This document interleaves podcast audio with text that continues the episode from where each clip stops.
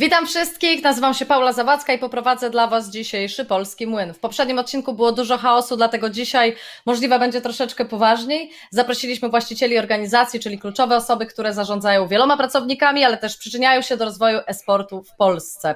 Poruszymy dzisiaj tematy, które były niewyjaśnione w poprzednich odcinkach, ale też takie, które dotyczą głównie organizacji, czyli budowania organizacji, pracy w organizacji itd. Tak Nie zapomnijcie oczywiście zostawić subskrypcji na kanale Zahaczonych, dzwoneczki, łapki itd. Możecie zadawać też pytania pod hashtagiem Polski Młyn na Twitterze i na koniec udzielimy Wam odpowiedzi na te pytania. Więc na początek przywitajmy naszych gości. Mamy dzisiaj Flasha zamiast Nitro, dlatego że Nitro padł internet, więc witam Cię Flash. Witam również, cześć.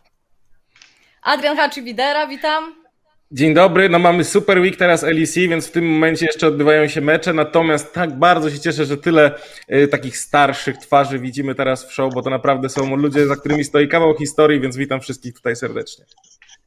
Grzegorz Kamiński, prezes Illuminar Gaming. Dzień dobry. Damian Ziaja, Nerwarien. Oj, zmutowany, no to zepsuł, zepsuł przywitanie. Dzień dobry, dzień dobry, dzień dobry. Ja jestem tutaj z kotem jak coś. Super kot. Dobrze. Y, Piotr Lipski, prezes Pride. Dzień dobry. Maciej Opielski, wiceprezes AGO. Witam serdecznie. Marcin Malczyński, właściciel Hit Esports. Cześć, Manko. Dobra, na początek pierwszy temat, który chciałabym poruszyć. 28 maja na Twitterze została ogłoszona nowa organizacja braci Malczyńskich o nazwie Hit Esports, stąd moje takie pierwsze pytanie. Y, z tego, co mogliśmy usłyszeć w Options Podcast, to esportem jakby od dawna się interesujesz i to nie jest tak, że nagle jakby jakaś zajawka, żeby założyć organizację i chciałabym się dowiedzieć, Skąd w ogóle pomysł, żeby zainwestować w e-sport? Jak wyglądał proces tworzenia organizacji i jakby gdzie tu jest Together, a gdzie tu jest Hit Esports? Znaczy to kilka lat temu próbowałem zrobić sobie coś takiego, ale to było no dość, no parę ładnych lat temu, 8-7, więc e, też nie było wtedy tak to rozwinięte, nie było tylu sponsorów, nie było tyle jakby chęci e, do budowania, e, tak, raczej może chęci były, ale nie było środków bardziej i koniec końców gdzieś wróciło to teraz z racji tego lockdownu. A ja miałem troszkę inny plan na biznes w tym momencie, ale przypomniałem sobie, że właśnie właściciel e, e, Together, mm, Max taki do mnie napisał, czy nie chciałbym sponsorem być. Stwierdziłem, że nie chcę być takim suchym sponsorem, który wiecie, po prostu daje jakieś tam pieniądze i sobie jest gdzieś tam, zgarniając coś za to. Jak mi miał wchodzić, no to już na takiej zasadzie, że to byłoby po części po prostu moje i gdzieś tam moje e, założenia musiały być wdrożone. No i mówię, właśnie z racji tego lockdownu sobie o tym przypomniałem i stwierdziłem, że hej, mam teraz czas, mam teraz chęci, mam teraz środki, które mogę spożytkować na coś innego i gdzie tu jest Together? Together jakby mm, to są podwaliny tego hit, czyli mamy tam jeszcze różne dywizje, mamy oprócz LoLa, mamy Sim Racing i tak dalej. I jakby te struktury, które tam były, to one zostały. Ja jakby wchodząc, e, dodałem troszkę świeżości, zrobiłem tam no dość spory rebrand i, i jakby jest to coś zupełnie nowego, ale struktury, czyli e, w dużym skrócie ludzie, którzy tam pracowali, e, są tam jeszcze po prostu. I doszedłem ja i doszło wiele, wiele nowych jakby e, rzeczy. A powiedz, nie boisz się, że to jest taka troszeczkę studnia bez dna? Bo na pewno słyszałeś głosy o tym, że pakuje się w to tyle hajsu i nic z tego nie ma. No więc o co tutaj chodzi? Przychodzisz z pieniędzmi, żeby co? to wyrzucić w błoto, czy jak ty na to patrzysz? Nie, nie, to, to, to nie jest zupełnie tak. Jakby e, dobrze wiedziałem, jakby jak to wygląda. Tutaj rozmawiałem z Isamu na ten temat e, wielokrotnie i tak dalej. E, z tym, że ja mam troszkę inny model biznesowy, e, bo wiadomo, no troszeczkę swoich pieniędzy zainwestowałem, to, to na pewno, ale głównie staram się to opierać na, e, na swoich zasięgach, pozyskując sponsorów, żeby jakby nie wchodzić to jednorazowo, e, nie wchodzić to jednorazowo ze, ze swoim hajsem, żeby totalnie się nie spłukać i tak dalej, dlatego gdzieś tam wykorzystałem swoje zasięgi spoza jakby e, e-sportu, e, co jakby, no nie powiem, przyciągnęło mm, kilku fajnych sponsorów. No mamy ich na chwilę. No, tak, tak, tak, dokładnie. I jakby no troszeczkę inny model biznesowy, taki, żeby siebie, siebie nie spłuchać i żeby to miało ręce i nogi, też troszeczkę inaczej na to patrzymy. Jakby zostawiliśmy sobie taki budżet na 2, 3, 4 sezony, jesteśmy zabezpieczeni do przodu, więc możemy sobie jakby wejść w to na spokojnie, e, sprawdzić jak to wygląda, rozwinąć się i drugi, trzeci sezon na przykład uderzyć jakieś e, czymś mocniejszym. Dlatego jakby zrobiliśmy to bez podpalania się i, i z głową, żeby żeby to było właśnie, nie zniechęciło nas na przykład pierwszy sezon, gdzieś tam klapa i tak dalej, co robimy teraz, nie? Bo sponsorzy odejdą- odejdą, ktoś odejdzie i co my teraz robimy? Więc no, zupełnie inaczej do tego podszedłem, mi się wydaje, że troszeczkę bardziej z głową. To tak po amerykańsku, taki jak, jak Nate Shot i 100 Fips, tak? Dobrze rozumiem, gdzie, gdzie znana osoba, influencer staje się też twarzą organizacji. Znaczy, no po części tak, ale jakby to nie jest tak, że jestem tutaj twarzą, ja tutaj bardzo rzeczy, jakby bardzo wiele rzeczy sam gdzieś tam robię, do, dopilnuję, bo wychodzę z tego założenia, że jak chcesz coś zrobić dobrze, no to zrób to sam albo przypilnuj, żeby ktoś zrobił to tak, żeby było zrobione po twojemu, więc no mm, to nie jest też tak, że ja tu tylko twarzą świecę, więc e, no, no ale jest tak, jak mówisz po części, nie? Okej. A jak wyglądały początki organizacji, które są już dłużej na, naszym, y, na naszej scenie? Jak to było w przypadku chociażby Illuminar, czy Pride, czy AGO? Jak to było 4 lub 5 lat temu założyć organizację? Znaczy, bo to A trzeba go nie było podzielić, 5 lat temu. Teraz to Tak, w Ale ery, 2016 z tego, co udało mi się dowiedzieć. Bo mamy ten taki wczesny polski e-sport, gdzie było, znaczy złota, złota piątka, wtedy PGS Gaming i tak dalej, organizacje jak Delta, Flag Executors. Później była bomba atomowa i chodziły dinozaury, nic się nie działo, czyli krach e, wielki, wszyscy się sponsorzy wycofali. I później ta nowa era, kiedy powstawały te nowe organizacje i wtedy powstawało e, Illuminar. No ale u nas to w sumie to było prosta rzecz. No, pracowaliśmy we Frenzy, przekonaliśmy odpowiednie osoby, że w sumie dajcie hajs na organizację, pobawimy się, nikogo nie ma. I tak to poszło. No. Potem była przerwa u nas w przypadku Parszywej Piątki, reaktywacja i ja wciągnąłem e, Michała Durczaka do, do, do, do zabawy. Nie? I, I tak lecimy dalej. No. Okay, A u w ciebie, przypadku Piotr? Pride, jak to było, Piotrze? Wiesz co, tak staram się przypomnieć, jak, jak zaczynało Pride e, z tym wszystkim. E, Na pewno bez kontaktów wśród e, firm e, no nie udałoby się stworzyć Pride, no bo jak zaczynaliśmy, no to mieliśmy już pokaźną e, ilość sponsorów, bo był Spheris jako sponsor tytularny, był Alienware, więc jakby no troszeczkę inaczej to już wyglądało, ale to mówię, jakby troszeczkę mieliśmy szczęście ze względu na to, że współwłaściciel Pride no, ma jakieś swoje kontakty i to jest jakby jedną z kluczowych rzeczy we sporcie, aby jeżeli chcemy gdzieś rozwinąć mocniej swoją organizację już na starcie, no to potrzebujemy mieć kontakt do osób wysoko postawionych w firmach, bo inaczej nie da się pozyskać sponsoringu pozwalającego na funkcjonowanie zespołu na jakimś tam poziomie powyżej amatorskiego. Tak? To jest w sumie taki ciekawy temat, bo Pride to wiadomo, to jest już jednak wizytówka tej polskiej sceny e-sportu, bo jesteś tutaj bardzo długo, a teraz wspominasz o tym właśnie, o tym inwestorze, tak? Ale tak naprawdę on nie jest ani tytularnym sponsorem, ani też chyba nie jest publiczną osobą, bo szczerze mówiąc jakoś, ja, ja na przykład znam was bardzo dawno, tak? Od zawsze wiem o Pride, ale nie wiem kim jest. To znaczy też jakby inwestor, no jakby wiadomo, no, e, finanse prywatne są potrzebne do wystartowania, tak jak Marcin zresztą powiedział, no bo to nie da się od razu przekonać sponsorów, zapukać, e, wysłać maila, zadzwonić, powiedzieć, ej, słuchajcie, tworzę sobie e, zespół sportowy, będę miał najlepszych zawodników, potrzebuję bańki, bo inaczej to się w ogóle nie wydarzy. Nie, no jakby nie da się. Muszą być finanse prywatne, no i te finanse prywatne były. No to by finanse prywatne były mm, w dużej mierze dwóch osób. E, mm, Jakby, nie wiem, jed- jedną z osób był Jarek Śmietana, którego część osób kojarzy. E, W późniejszym czasie gdzieś tam się rozstaliśmy. Druga osoba, jakby nie wiem, czy chcę, żeby mówić publicznie.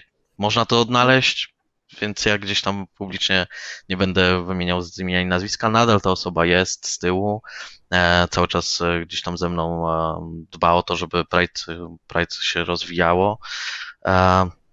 Więc bez, bez tych funduszy prywatnych no nie da się, no ale te fundusze prywatne w pewnym momencie się kończą, bo wie, wiecie, no jakby fundusze prywatne fajnie jest inwestować w coś innego, nie wiem, tak jak e, w swoje, w swoje hobby czy w jakieś inne rzeczy, a e-sport e, mimo wszystko może jest jakimś e, pewnego rodzaju hobby, no ale kosztownym hobby, więc te kosztowne hobby wolałbym mieć gdzie indziej niż, niż we sporcie, gdzie nie do końca czuć wdzięczność.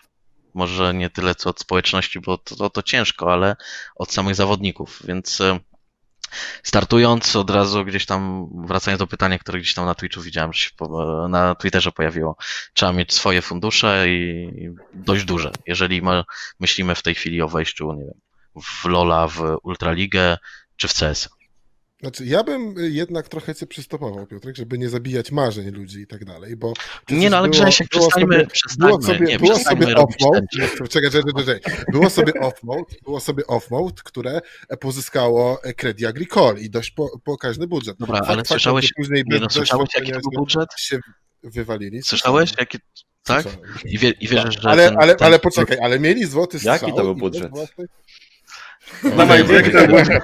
Chcemy wiedzieć, no chyba. No taki Nie, słuchajcie, powiem, ci, że tak, trzy składy, trzy składy byś spokojnie opłacił za ten budżet. Jakby to był taki budżet, jakie chodziły plotki, to nie wierzę w to, że to się tak zwinęło i, e, Ale no, i nie istnieje ale na to. pamiętam, jeszcze był, było coś takiego jak Gameburg też dostał wielkie dofinansowanie. Dobra, z Gameburgiem to wiesz, jakby można było. zwinęło, no. Tak, Więc ale z Gameburgiem można od, odszukać gdzieś tam mój wywiad, w którym byłem e, projekt managerem e, i odpowiadałem za zespół, jak i za portal społecznościowo-rozrywkowy, bo taki był plan e, dofinansowania.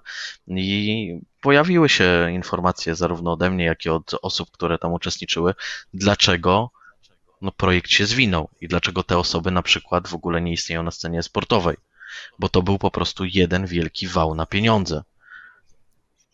Więc No, jakby a wiesz, tam się po prostu, wiesz, no nie udało, no nie można też, wiesz... e, się, bywa No tak, okej. no, ale słuchaj, no słuchaj, ale nie możesz mówić, że, że, wiesz, że, że wszystko, jest, wszystko, wszystko jest wałem.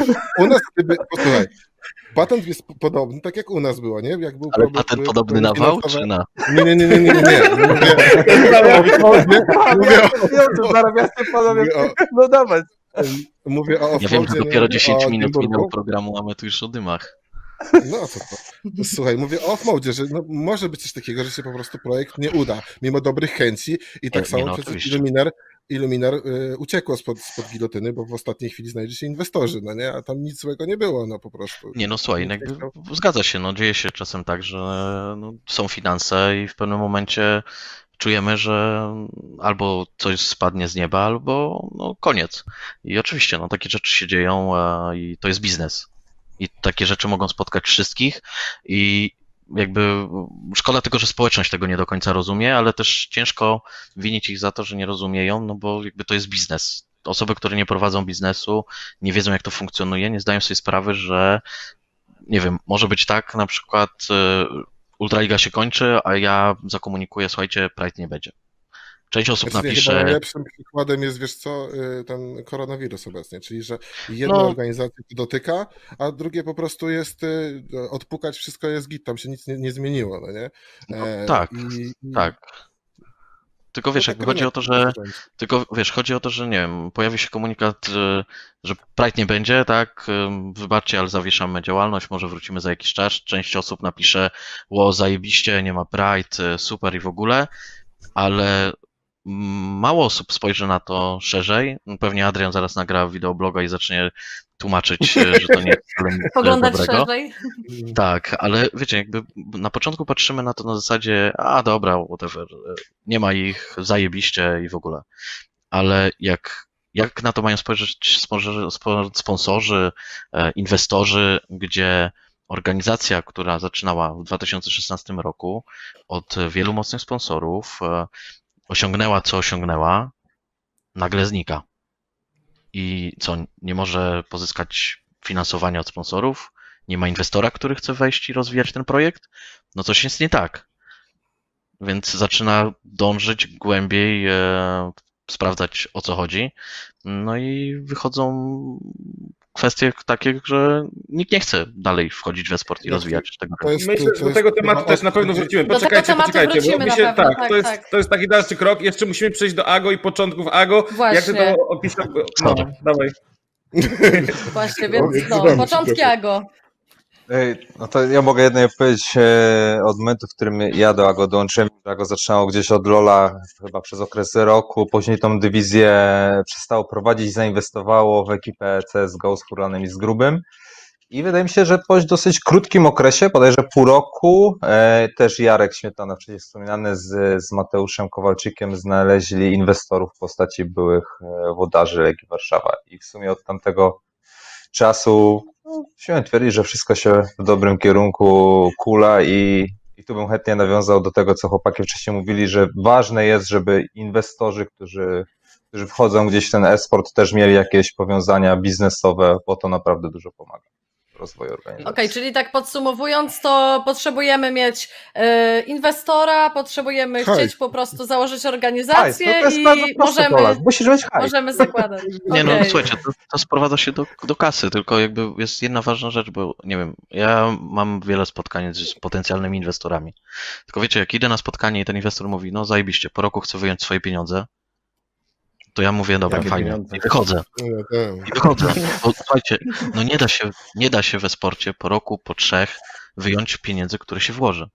No to jest nierealne. Jeżeli pojawia się inwestor, który myśli, że w taki sposób to da się zrobić, no to nie wiem, to niech idzie robić biznes, to co teraz Maseczki. robią Polacy. Ściągają, nie, no ma, maserki tam, wiesz. To jest jeden, jeden zajebisty biznes. Jeżeli każdy myśl, chce zarabiać tutaj e, oglądający pieniądze, łatwe pieniądze, to jest prosta sprawa. AliExpress, własny sklep i sprzedawajcie, reklamujcie produkty na Facebooku i będziecie zarabiali pieniądze. Możecie zarabiać nawet 3000 lekko miesięcznie. To jest mega Dzięki, proste. Piotrek. Dorobię się Ale to jest naprawdę, ale słuchajcie, no, ale to jest mega proste i można znaleźć w internecie te informacje. Więc jeżeli Ale jest to- inwestor, który chce prostą kasę, to może to zrobić, ale jeżeli chce coś, chce być członkiem społeczności, która mocno się rozwija, rynek, który rośnie, no to musi mieć świadomość tą, że jak zainwestuje dane pieniądze, to za rok może być potrzeba dodatkowego do inwestowania, ale nie może brać pod uwagę, że nie wiem, za 3, za 5 lat mu się to zwróci, bo wystarczy popatrzeć na organizacje e, międzynarodowe i czy tam się cokolwiek zwraca? Nie no, masz tutaj na pewno dużo racji, masz dużo racji Piotrze. A jeszcze Maciej, to w takim razie follow-up, bo wy sobie radzicie super na pewno w CS-ie. W tym momencie wygrywacie chociażby też e, na- nawet Mistrzostwo Polski i tak dalej, więc ten projekt ewidentnie w CS-ie jest bardzo zaangażowany, znaczy zaawansowany. Ale teraz skąd się pojawił pomysł, żeby wiązać się z Rogue? Czy to właśnie była kwestia finansów, czy coś jeszcze za tym stało? Wiesz co, pomysł e, w ogóle utworzenia dywizji LOL e, gdzieś, gdzieś już ponad rok e, powiedzmy po korytarzach krążył, zresztą parceł na spakę i ciężko, żeby u nas o LOLu się nie rozmawiało i żeby nie wiercił gdzieś tej dziury w brzuchu, żeby mieć już tą dywizję. E, Ale mieliśmy też okazję spotkać się z, z Anną z Rogi, z Tomasem i gdzieś rozmawialiśmy o wspólnym projekcie, może o wspólnej tutaj e, przedsięwzięciu w tej dywizji. Oni gdzieś mieli już ten skład e, skład Rogue w Polsce. My mieliśmy w sumie bazę taką treningową i, i, i biuro i apartamenty, pełną jakby obsługę logistyczną na miejscu, czego im de facto brakowało zespołowi e, Akademii, gdzie i tak większość tych zawodników, którzy grali w, w Ultralidze w roku, z czasem zaczęli grać czy w LEC, czy, czy w innych jakichś drużynach poważniejszych, jakby nazwał. Więc jakby Jak to jest? powstał To... Mhm. Mhm. Mów, mów, sorry. E, powstał po prostu pomysł, że możemy połączyć e, finansowanie na, na konkretnym poziomie ze strony Rogue i finansowanie ze strony AGO oraz zapewnienie tej, tej otoczki logistycznej. Teraz na przykład mogę tak jakby pochwalić się troszkę tym, że udało nam się na, na miejscu i mieć i trenerów personalnych, i masażystów, fizjoterapeutów, także jakby tą bazę też powiększamy, co też Ale podobnie jak One? obsługi. E, W sensie? Dla się to nie opłaciło chyba. Wiesz co, no Nie, sorry, jakby 12 Bo w kółko-. Nie, w kółko jeśli- się Piotrek, wszędzie mówi o pyta- tym, nie? Jeśli, pyta, jeśli pytasz, czy zamykamy dywizję Lola, nie, nie, nie zamykamy. nie, także to, leż- leżącego się nie bije. Nie, nie, nie, to nie, nie, wiecie, bo jakby jak słyszę po prostu już teraz masażyści, psycholodzy, kucharze, to po prostu przypomina mi się no, komunikat, tak, że jakby w budynku będzie i w ogóle, i w ogóle, ach, ech. I... wiesz co, Ale myślę, wydaje, dalej że? Mi się wydaje, że tam, nie wiem, na tyle, e, co zaobserwowałem, że nie wszyscy korzystali z, z tych usług Devil's One. No u nas masz i CS-a, i, i Lola. ICS bardzo dużo Mhm. bootcampował wcześniej, bootcampuje, będzie bootcampował teraz, niedawno zresztą skończyli, więc jakby wiele, wiele osób korzysta z usług ty- tych, e, tych fizjoterapeutów czy, czy jakichś trenerów, także to się cały czas są jakby potrzebni e, i dlatego wydaje mi się, że nam po prostu model się sprawdza. Mhm. Okej, czyli to jest tak, że jakby wspólne finansowanie tej akademii, a y, jakie są jeszcze powiedzmy wzajemne korzyści m, przez tą współpracę i jak to działa z na przykład y, transferem zawodnika do głównego składu? To jest tak, że Rogue może w każdej chwili na przykład wziąć sobie zawodnika? Jak to działa? Więc osobowo, jeśli chodzi o skład, e, Rogue ma zdecydowaną większość powiedzmy głosów, czy, czy jakby e, decyzyjność w tym, kto będzie grał w Akademii. E, Jeśli będą potrzebować zawodnika z Akademii do głównego składu, oczywiście, oczywiście mogą go przetr- przetransferować, tak nazwijmy. Wspólnie staramy się też szukać zastępstwa, podsuwamy swoje pomysły, no ale jakby odgórnie mogą zawetować koledzy naszy z Rogue, że nie, nie chcemy tego zawodnika, chcielibyśmy innego sprawdzić, więc kwestie osobowe bardziej są pozostawione im, a po naszej stronie leży to opieka nad składem. A ze, z, Okej. z korzyści, no przede wszystkim Rogue e, uważam, że jest bardzo znaną organizacją, e, nie tylko w Europie, ale też w Stanach, zresztą większość e, dywizji, z tego co kojarzę, początkowo była ze Stanów i, i spółki, które współpracują z ROK również są rozpoznawalne, więc dla nas jest to korzyść pokazania się szerszemu światu i wyjście poza Polskę. Słuchajcie, każdy miał już chyba swoje 5 sekund, żeby po- powiedzieć troszeczkę o swojej organizacji, więc może drogi miał. co z tymi dżentelmenami? Ja totalnie nie kumam, kto to, kto tam za- zarządza tym, no bo tutaj popatrz, mamy sławnego youtubera, tak, pana Malczyńskiego chociażby z jednej strony, a tutaj co o dżentelmenach? O dżentelmenach nic nie wiemy, więc co tam się dzieje, jak to się stało w ogóle, co tam się wydarzyło? No więc ja w zasadzie z właścicielami dżentelmenów jestem w kontakcie od roku czasu. Bo napisali do mnie jeszcze, jak byłem na bootcampie z piratami, czy mam ochotę może się spotkać, bo oni by chcieli wiedzieć e, coś więcej o Ultralidze, żebym im to wytłumaczył. E, I ogólnie chcieli wiedzieć, e, jak wygląda kupno slota. No i jako, że ja wtedy byłem w Pakt i oni byli w kontakcie też z Lewusem, ja, ja oczywiście im poleciłem, że w przypadku, kiedy tego slota stracimy, czyli Pakt, to zawsze mogę odkupić od Lewusa, że on będzie chętny e, do odsprzedania. No niestety się to nie udało, więc e, trochę nasze rozmowy, no, się zakończyły, ale teraz znowu, jak pojawiła się opcja kupienia slota od Lewusa, znowu, to znowu się do mnie odezwał. Ej, Lewus no biznesmen. Człowiek interesu. Handlarz slotów do Ultraligi. się pocimy, a to wystarczy sloty farmić. Jedni, To może jedni trzeba flipują czekać na nieruchomości, Lewusa. jedni flipują nieruchomości, no Lewus jest specjalistą od flipowania slota.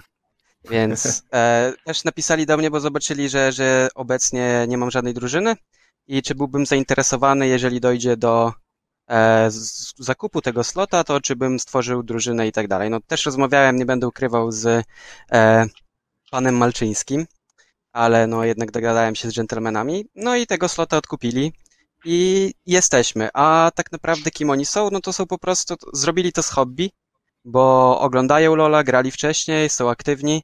E, Raz jeden z współwłaścicieli się spóźnił na meetingu, mu się gierka przedłużała, ale co, bo, bo grał, więc no tak pozytywnie to raczej z pasji niż z chęci jakiegoś zarobku. Okej, a to jest jakoś tak rozbudowana w sumie, bo powiedz mi, masz jakby świadomość tego, jak duża jest ta struktura, tak, bo no popatrz, w przypadku HIT na przykład nie musimy się o to martwić też w dużej mierze, bo jest dużo ludzi, których znaliśmy z Together, więc jakieś tam zaplecze też na przykład od socia- social media jest, tak, w przypadku Ago Rock to samo, Pride to samo, Illuminar tak to samo, ja na przykład patrzę na wasze socjale, jak to jest pod względem tego zaplecza, tego back office'u, czy macie tam faktycznie, czy już więcej ludzi, czy to jest dosłownie taki startup, że dopiero wszystko będziecie robić, wszystko będziecie rekrutować, jak to wygląda?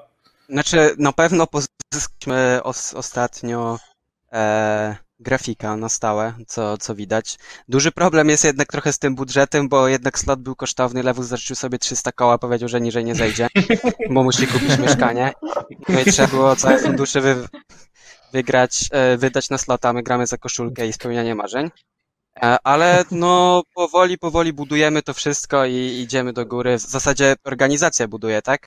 I póki co z samego takiego staffu to oczywiście jestem tylko ja i Sherlock. Oczywiście za menadżera robił, za menadżerów e, robił właściciele i ja też im pomagam, żeby ich nakierować co i jak, bo oni e, są totalnie niebiescy w tym temacie i, i, i nie wiedzą do kogo mają się odzywać. I no póki co jest fajnie, no. Okej, powiedziałeś trochę o budowaniu, więc może przejdźmy do budowania organizacji.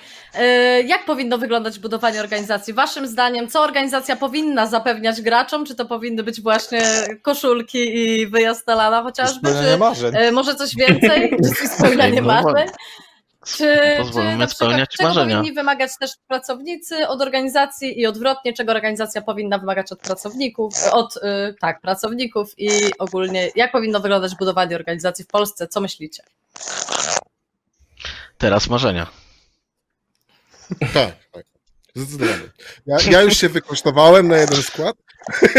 Więc ja Nie, teraz nie mogę. Chcesz o tym pogadać? Dobra, całkiem poważnie, to jakby nie ma złotej zasady, jak budować organizację. Wiecie, no nie, no e-sport jest mimo wszystko dość młody i no nikt jeszcze nie napisał książki, w której, e, nie wiem, czy poradnika, jak zrobić profesjonalną organizację dobrze, a więc To, wiecie, ale to wiesz, to do każdego jest pytanie. To na przykład Ale jak to jest dla was ważne, dobrą to jest dla was organizację ważne. według Piotra Lipskiego? Mi się też wydaje, że to zależy od jaką sekcję chodzi, nie? No bo co innego będzie potrzebowała dywizja LoL'a, co innego dywizja CS-a, co innego dywizja Sim Racingu, albo co innego dywizja TFT, więc e, troszeczkę dostosowujesz. Czasami podnosisz standardy, e, na przykład dla graczy dywizji TFT, żeby, nie wiem, mogli na sobie bootcampować, no ale kto, kto by wpadł na to, że e, grając sobie w te mobilne szachy można bootcampować. No ale można, bo teraz jest e, dobra okazja do tego, no bo zbliżają się kwalifikacje do Mistrzostw Świata. Co Riot zrobi z tym TFT? Nie wiadomo. Trzeba się, trzeba być trochę takim bardzo kameleonem moim zdaniem. Znaczy dostosowywać się do tego, co się dzieje na rynku i do potrzeb, co można usprawnić. Okej. naprawdę. Słuchajcie, gadamy tutaj głównie mimo wszystko jednak o LoLu, bo tutaj e, show wywodzi się ze środowiska LoLowego. I teraz takie pytanie bardziej. I wstawmy się właśnie w pozycji dżentelmenów. Powiedział Flash, że właściciele są trochę niebiescy w tych tematach. I teraz w takim razie, co jest takim baselinem, od którego trzeba zacząć, żeby ta organizacja mogła zacząć funkcjonować? Teraz ruszyła druga liga. Potencjalnie są nowi ludzie, którzy będą chcieli otwierać organizacje. Kto dla was jest, co jest dla was fundamentem przy powstawaniu organizacji? Każdy z was może to pojmować inaczej, ale jakby jacy są ludzie, bez których nie możecie sobie wyobrazić pracy, albo jakie są te zasady, których waszym Jakie zdaniem działy są potrzebne na przykład tak. na start i tak dalej? Mhm. Jeżeli faktycznie pojawiają się nowe osoby, które są niebieskie, e, nie wiem skąd w ogóle ten kolor wymyśliłeś, e, Właśnie. to No nie wiem, tak mi E. jakoś do głowy przyszło. Myślałem, że tak się mówi, a się nie mówi? Nie, zielony, zielony. Mogą A, zielony! A, bo ja jestem na z Podlasia, Zielony. to na Podlasiu my tak mówimy, wiesz o co chodzi, my na żubrach jeszcze. Też jestem z Podlasia i myślałam, że zielone, więc nie wiem z której części. Dobra, e, to trzeba przede wszystkim znaleźć osobę, która, jeżeli inwestujemy w Lola, no to znaleźć osobę, która ma doświadczenie w scenie, no bo e, jeżeli mamy. weźmiemy sobie, jeżeli weźmiemy sobie osobę, która ma, nie wiem, doświadczenie w CS-ie i chcemy budować dywizję Lola, no to sorry, no ale to zawodnicy nie będą na pewno traktowali poważnie tego zespołu i no, po prostu organizacja zostaje, zostanie wydymana pewnie na, na wielu, wielu płaszczyznach, no bo skąd właściciele mają wiedzieć, e, czego tak naprawdę oczekują, potrzebują zawodnicy, a zawodnicy mogą powiedzieć, że potrzebują totalnie wszystkiego, nawet wi- willi z basenem. No więc e, wiecie, no jakby możesz, najważniejsza jest osoba z doświadczeniem, a później, a później trzeba podejść do tego, podejść do tego na zasadzie e, budowania firmy. Jakby według mnie no, zarówno drużyna sportowa, jak i firma, jakakolwiek firma no, działa na tej samej zasadzie. Jest pro- project manager, jest dział marketingu, dział social mediów, dział handlowy. No, Co prawda w e-sporcie to jest może trochę bardziej skrócone, no bo z reguły, nie wiem, działem handlowym jest, e, nie wiem, prezes spółki czy wiceprezes. e, no Aż tak bardzo się tego nie rozbudowuje, bo też jakby nie ma tak dużych funduszy na to, żeby sobie, sobie na pewno pozwolić, więc e, Ja bym tu się wtrącił i Struk- powiedział, że zanim, zanim otworzy te wszystkie działy, to proponowałbym wam stworzenie produktu najpierw, który możecie Nitro- sprzedawać. to- to... Nerwa, przestań tam drapać coś przy mikrofonie. Ktoś coś drapie, nie, Nie. wiem, czy to nerwa, czy jest- to, to ale ktoś coś drapie przy tylko. mikrofonie. Drapię jest kota, ale to problem. nie to. To nie No mnie wiadomo, że- ale też to chciałem powiedzieć. Ale ktoś coś Wiadomo. tam przy mikrofonie, jest Ja problem. nie wiem, czy nie, ja zahaczyłem o, o zamek, wiesz, to sorry. Okej, okej, okej. Dobra, możemy kontynuować. Nie no, to co Maciek mówi jest istotne, nie? Czy jakiś tam biznesplan, No czego, produkt jest istotny. czego, czego, w jakim kierunku chcemy iść, ale to już sobie zdefiniowaliśmy, że chodzi o Lola, więc e, na pewno później Ale sama się... dywizja w sobie nie jest, ja uważam, że sama dywizja w sobie to, nie jest żaden produkt do sprzedania. Nie? Na samą dywizję Nie, to no. Tak, że masz- ciężko ci sponsora No, no, no. znaleźć. Nie? No, musisz No tak, za no. to pociągnąć, musisz Trzeba- mieć influencera, e, musisz mieć kanał na YouTubie odpalić. Trzeba też Ktokolwiek pograć trochę, trzeba pojawić się w studiu Pulsatu, mieć materiały dla siebie, dla partnerów, jak to wygląda, wszystko. No teraz też niełatwy w sumie okres y, dla nowej organizacji. No, no Znaczy teraz, teraz zdecydowanie będzie najtrudniejszy okres do tworzenia organizacji, jaki w ogóle miał, możemy sobie wyobrazić. Kiedyś No już chyba, był że masz hit. to Oni tym bardziej szacunek dla, dla hit i dla dżentelmenów. No. No dobra, no ale jeszcze wiesz, załapaliście na ten moment, w którym faktycznie można było wejść do tego pędzącego pociągu. Bo w tej chwili będzie bardzo, bardzo ciężko. No, kiedyś był kryzys już finansowy, Jesport dostał po tyłku i no, Grzesiek o tym wspominał, bo był taki moment, w którym wszystkie zespoły sportowe na dużym poziomie, z dużymi e, partnerami, po prostu poznikały, bo nie było Ale finansowania. to były, to były międzynarodowe brandy. PGS Gaming to był międzynarodowy brand. Zgadza się. organizacja.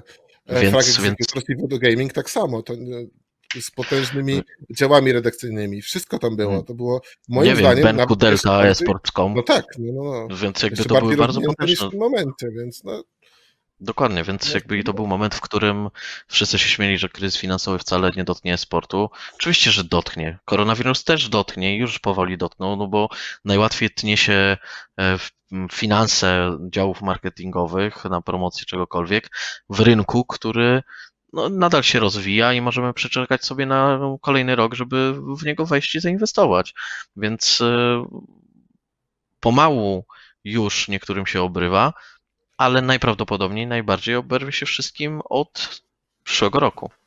Mhm. Tutaj Maciej, ty powiedziałeś bardzo ciekawe słowa a propos tego, że y, jakby tutaj nie sprzeda się tylko dywizji, że trzeba czegoś więcej, trzeba influencera, trzeba jakiejś też twarzy, trzeba kanał na YouTubie i tak dalej, prawda?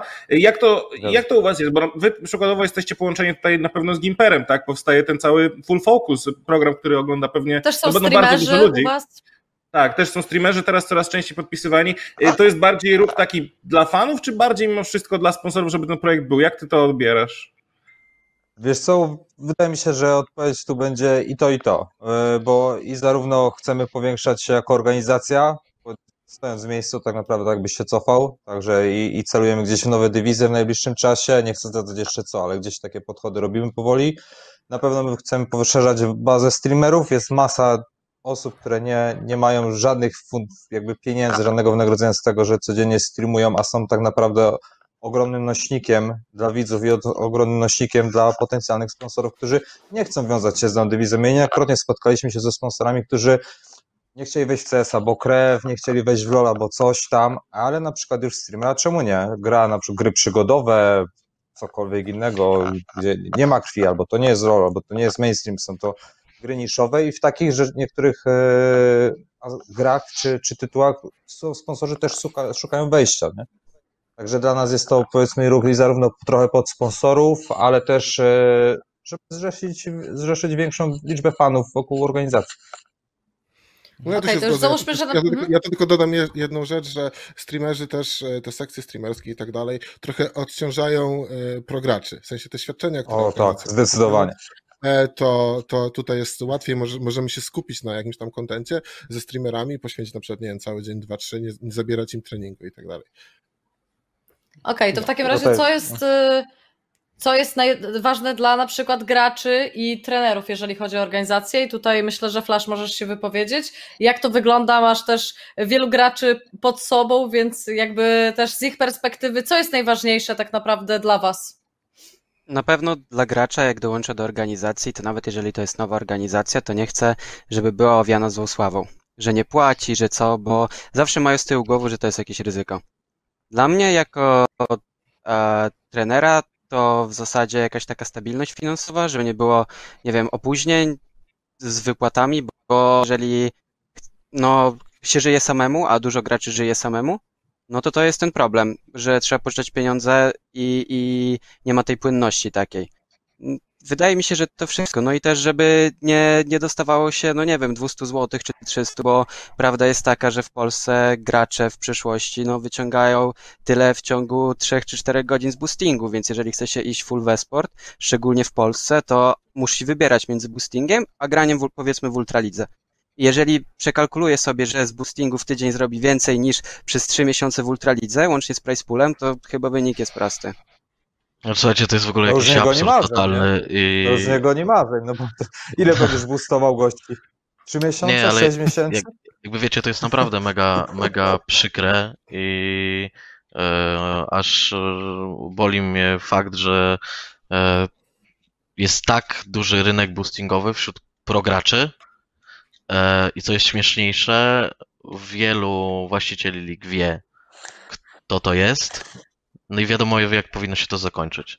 I wiecie, i tu jakby chodzi między innymi o to, że naprawdę każdy zawodnik, każdy zawodnik, każdy gracz marzy o tym, żeby w końcu zagrać w leku i w ogóle pokazać się i oczekuje nie wiadomo czego, a później na rozmowach dochodzi właśnie do sytuacji, o których mówi Flash. No wiesz stary, no ale ja będę sobie boostował przez miesiąc, zarobię więcej albo no nie zarobię, bo nie wiadomo jak się to pojawi. Eee, więc no ja nie będę grał profesjonalnie. Ja będę sobie boostował. No stary, no jeżeli Dużo chcesz graczy- boostować, no to Dużo- boostuj, no, je- no ale nie masz, nie masz o tym, żeby grać później w leku, no. Bo nie da się. No, mówimy, mówimy tylko o polskiej scenie, ale gracze, którzy obecnie grają w Lecu czy gdziekolwiek in, e, innej, czy nawet kiedyś Yellowstar był e, ukarany za boosting. Bardzo dużo graczy boostuje, bo postawmy się też w sytuacji graczy. Oczywiście ja nie mówię, nie daję przyzwolenia na to, bo uważam, że jeżeli chce się być prograczem, to trzeba działać zgodnie z zasadami, ale jeżeli rodzice mówią, że ma zarabiać pieniądze, chce jednak grać w Lola, powiedzmy chce sobie trochę coś zarobić, ale też grać screamy i się rozwijać, no to ma do wyboru pójść do KFC, albo gdziekolwiek indziej, albo mieć jakieś pieniądze, żeby się rodzice nie czepiali. W zasadzie to tak działa. Po prostu, bo jeżeli masz, zarabiasz w euro i masz, nie wiem, 30-40 euro za grę na Masterze, Grandmasterze, a gracze po prostu, nie wiem, robią sobie co chwilę nowe konta i challenge i lecą po 100% win ratio do Mastera, no to dlaczego mają tego nie wykorzystać? Ale no, jest no inna to sprawa. jest ciężki temat, to jest ciężki temat. Bo No to już jest jest bardzo ciężki temat temat. boostingu. Bo, Znaczy, bo musisz- wiesz, bo możesz ile pójść, bo zobacz, lat? to, to, jest, to jest jak z normalnym życiem moim zdaniem. Możesz przecież e, pójść i handlować czymś nielegalnie, co będzie cię szybko, pewnie może się dorobić, no nie, albo pójść do normalnej roboty, no to to jest podobnie. Albo na liczysz na szybki, szybki zarobek i liczysz się z konsekwencjami, które mogą nastąpić, albo, albo chcesz, nie wiem, być zawodnikiem w leku i no niestety idziesz do KFC, w międzyczasie trenujesz, zarywasz noce. Stary, nie wiem, tu jest zajebisty przykład e, zawodnika, który w tej chwili jest w IHG, e, jest to Ritz, który, żeby trafić na profesjonalną scenę CS-a, no miał ciężką, bardzo ciężką pracę w Anglii, trenował po nocach, nie spał i osiągnął. Osiągnął, nie, nie poszedł łatwą drogą.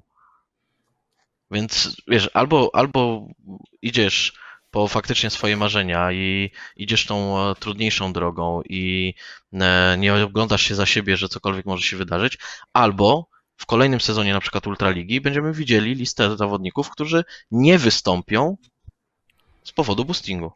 Czy to jest to że od następnego sezonu Ultraliga będzie ligą Mm. rajotową? Bo tylko w ligach rajotowych gracze są karani za Nie, boosting. nie, słuchaj, nie. Nie, każda Tak, liga tak, tak. regionalna ma regulamin, w którym musisz stosować się do zasad e, producenta gry. I to jest, e, to jest jakby no, zapis, który no, jest między dystrybutorem gry a właścicielem ligi regionalnej. Jeżeli tak by nie było, to tak samo toxic checki nie byłyby brane pod uwagę w lidze regionalnej. Ale toxic checki brane są pod, uwagi, tyl- pod uwagę tylko z jednego konta. Jeżeli w tym sezonie gracze dostaliby bana za boosting, to w, w niektórych teamach z Ultraligi nie mogłyby grać niektóre osoby. Wiesz No, co, myśl- odeszliśmy od tematu, a ja bym chciał swoje No, zdanie mhm. tutaj wpleść. E, wiesz co, odpowiem tobie tak. E, nikt nie mówił, że bycie profesjonalnym graczem na najwyższym poziomie jest proste. Jeśli cię nie stać na wyrzeczenia i na zapieprzanie w ciągu dnia i trenowanie w nocy, tak jak Piotrek powiedział, O to chodzi. zawodnika, to po prostu tego nie rób. No jakby każdy, jakby to było takie proste, to ja w wieku 33 lat też bym teraz poszedł i zaczął grać profesjonalnie w gry. No. Ja bym chciał... Wydaje mi się, że też- ciężko tutaj porównać Słuchajcie, e, w ogóle. Mhm. Pamiętajmy, że mówimy Maciej? tak naprawdę o chłopakach, którzy często mają po 17, 18, 19 lat i te pierwsze pieniądze gdzieś tam z różnych backgroundów pochodzą, jakieś tam pierwsze pieniądze skądś muszą wziąć. I teraz ja teraz nie usprawiedliwiam ich, ja również jestem przeciwko temu, żeby boostować, tak? Ale jestem sobie w stanie wyobrazić taką sytuację, że gracze bardzo często się obawiają czego? Dlaczego w ogóle część graczy w ogóle rezygnuje ze szkoły chociażby, chociaż nie powinna też moim zdaniem, bo się boją, że jeśli poświęcą za dużo czasu na inne rzeczy niż LOL, to inni będą rozwijać się szybciej, przez co będą osiągać więcej. To też nie jest do końca prawda, tak? Bo tutaj nie chodzi o czas włożony, ale często młodzi gracze tak sobie to tłumaczą. Więc dla nich pójść do KFC na x godzin jest też na pewno czymś strasznym, ale tej edukacji mimo wszystko jest za mało, tak? Nie, nie mówimy w ogóle o tym, jak efektywnie trenować, nie uczymy tego w ogóle, nie ma takich przykładów, nie ma o tym książki na ten temat, nie ma o tym dokumentu, tak? Więc często sobie myślą, że muszą grać więcej, tak? A więc mogą jednocześnie i zarobić, i to dużo większe pieniądze niż w KFC, i trenować więcej, więc jakby to jest duży problem, a to, co Piotr powiedział, jest y, w ogóle też dużym clue tego wszystkiego, bo no kurde, wszyscy się śmieją już nawet czasami półotwarcie na Twitterze na temat tego, kto boostuje. Ale nie ma jakby za dużo z tym robionego, tak? Czasem zdarzają się bany za bycie toksik, ale mało się mówi o tych banach za boostowanie, nie? Wiecie co? Dla mnie to jest też smutne i śmieszne zarazem, że ja miałem dokładnie ten sam problem 7 lat temu. U mnie to wyglądało tak, że albo pójdę pro i próbowałem grać pro, ale nie oszukujmy się, na jakieś tam 100 euro miesięcznie czy coś, no niestety jako 19-latek to nie są pieniądze, które przyniesiesz do domu, że tak powiem, więc no trzeba było coś właśnie jakoś zarobić, więc albo idziesz właśnie do jakiejś normalnej pracy za 1500, za 2000, albo boostujesz. No i niestety, i dla mnie to jest właśnie strasznie smutne, że gracze mają dokładnie taki sam dylemat, jak ja miałem 7 lat temu. Więc no, A to nie jest tak, że warto. Ja zawsze wychodziłem z takiego założenia, że masz plan na siebie, daj sobie pół roku, czy daj może to krótko, daj sobie rok. Masz 19 lat, całe życie jest przed tobą i mówię to dosłownie w wieku 30 lat możesz całkowicie zmienić karierę, do której się przygotowałeś w szkole i myślałeś, że będziesz kimś innym. Daj sobie rok i zobacz, czy ci to wypali, ale poświęć siebie przez ten rok. Tak w 100%, w 110%. Ja się zgadzam. tak zrobiłem, Maćkiem. tylko że poszedłem w Ja się- streaming. A, Dokładnie no tak i-. No i jesteś. No dobra, ale Myślę, Damian, zaryzykowałeś. Zaryzykowałeś, Tak, no. też miałeś wiesz, znaczy, mogłem tak samo, wiesz, ten rok poświęcić i prowadzić pro i mogłoby się nigdy nie udać, wiadomo. No oczywiście, no ale życie polega na tym, aby wybierać. ale, ale czekaj, no bo i tak koniec końców, koniec końców boostowałem, prawda? No ale, Ale wiecie, no, że znaczy też można by, wiesz, case? normalną pracę zarobić sobie, albo nie wiem, wziąć kredyt, kurczę i próbować, nie? Ale to jest problem środowiska troszeczkę, bo to jest ten sam case, że jeżeli nawet byśmy żyli w świecie, gdzie nie ma e-sportowych organizacji, po prostu są tylko zwykłe sklejki, to byście mieli ten sam problem. Teoretycznie są turnieje, na których można zarabiać, aczkolwiek no aktualnie właśnie niekoniecznie, co jest trochę minusem, Tak, bo że już- no organizacja musi się utrzymać po prostu, nie? To już, to już trzeba zadzwonić do pana Rito. No i... Ale To jest tak. Ale mi się wydaje, że to jest w każdej branży. To chyba nie, jest, nie dotyczy tylko graczy, bo e, jak ja pamiętam swoje początki, to ja rzuciłam studia, znaczy rzuciłam, najpierw wzięłam dziekankę, wyjechałam na rok i pomyślałam sobie, daję sobie rok, y, mieszkam w Warszawie, wynajmuję mieszkanie. Y, na początku zarabiałam mniej niż, mieszkanie mnie kosz, y, jakby mniej niż kosztowało mnie jeden pokój na, do wynajęcia. Jako pierwszą pracę swoją w esporcie i było bardzo ciężko się utrzymać, ale jednak poświęciłam ten rok cały i nadal tu jestem i teraz jest dobrze, więc Jesteś albo poświęcasz wszystko, tak, Y, albo poświęcasz wszystko i jakby no idziesz za marzeniami, albo żyjesz tak, żeby po prostu było ci wygodnie i y, żeby no jakoś było po prostu, no. Trzeba czasami coś Wie- poświęcić, wiecie- żeby osiągnąć się Wiecie, wydaje, że to nie jest aż tak bardzo, że to nie jest aż tak bardzo zero-jedynkowe.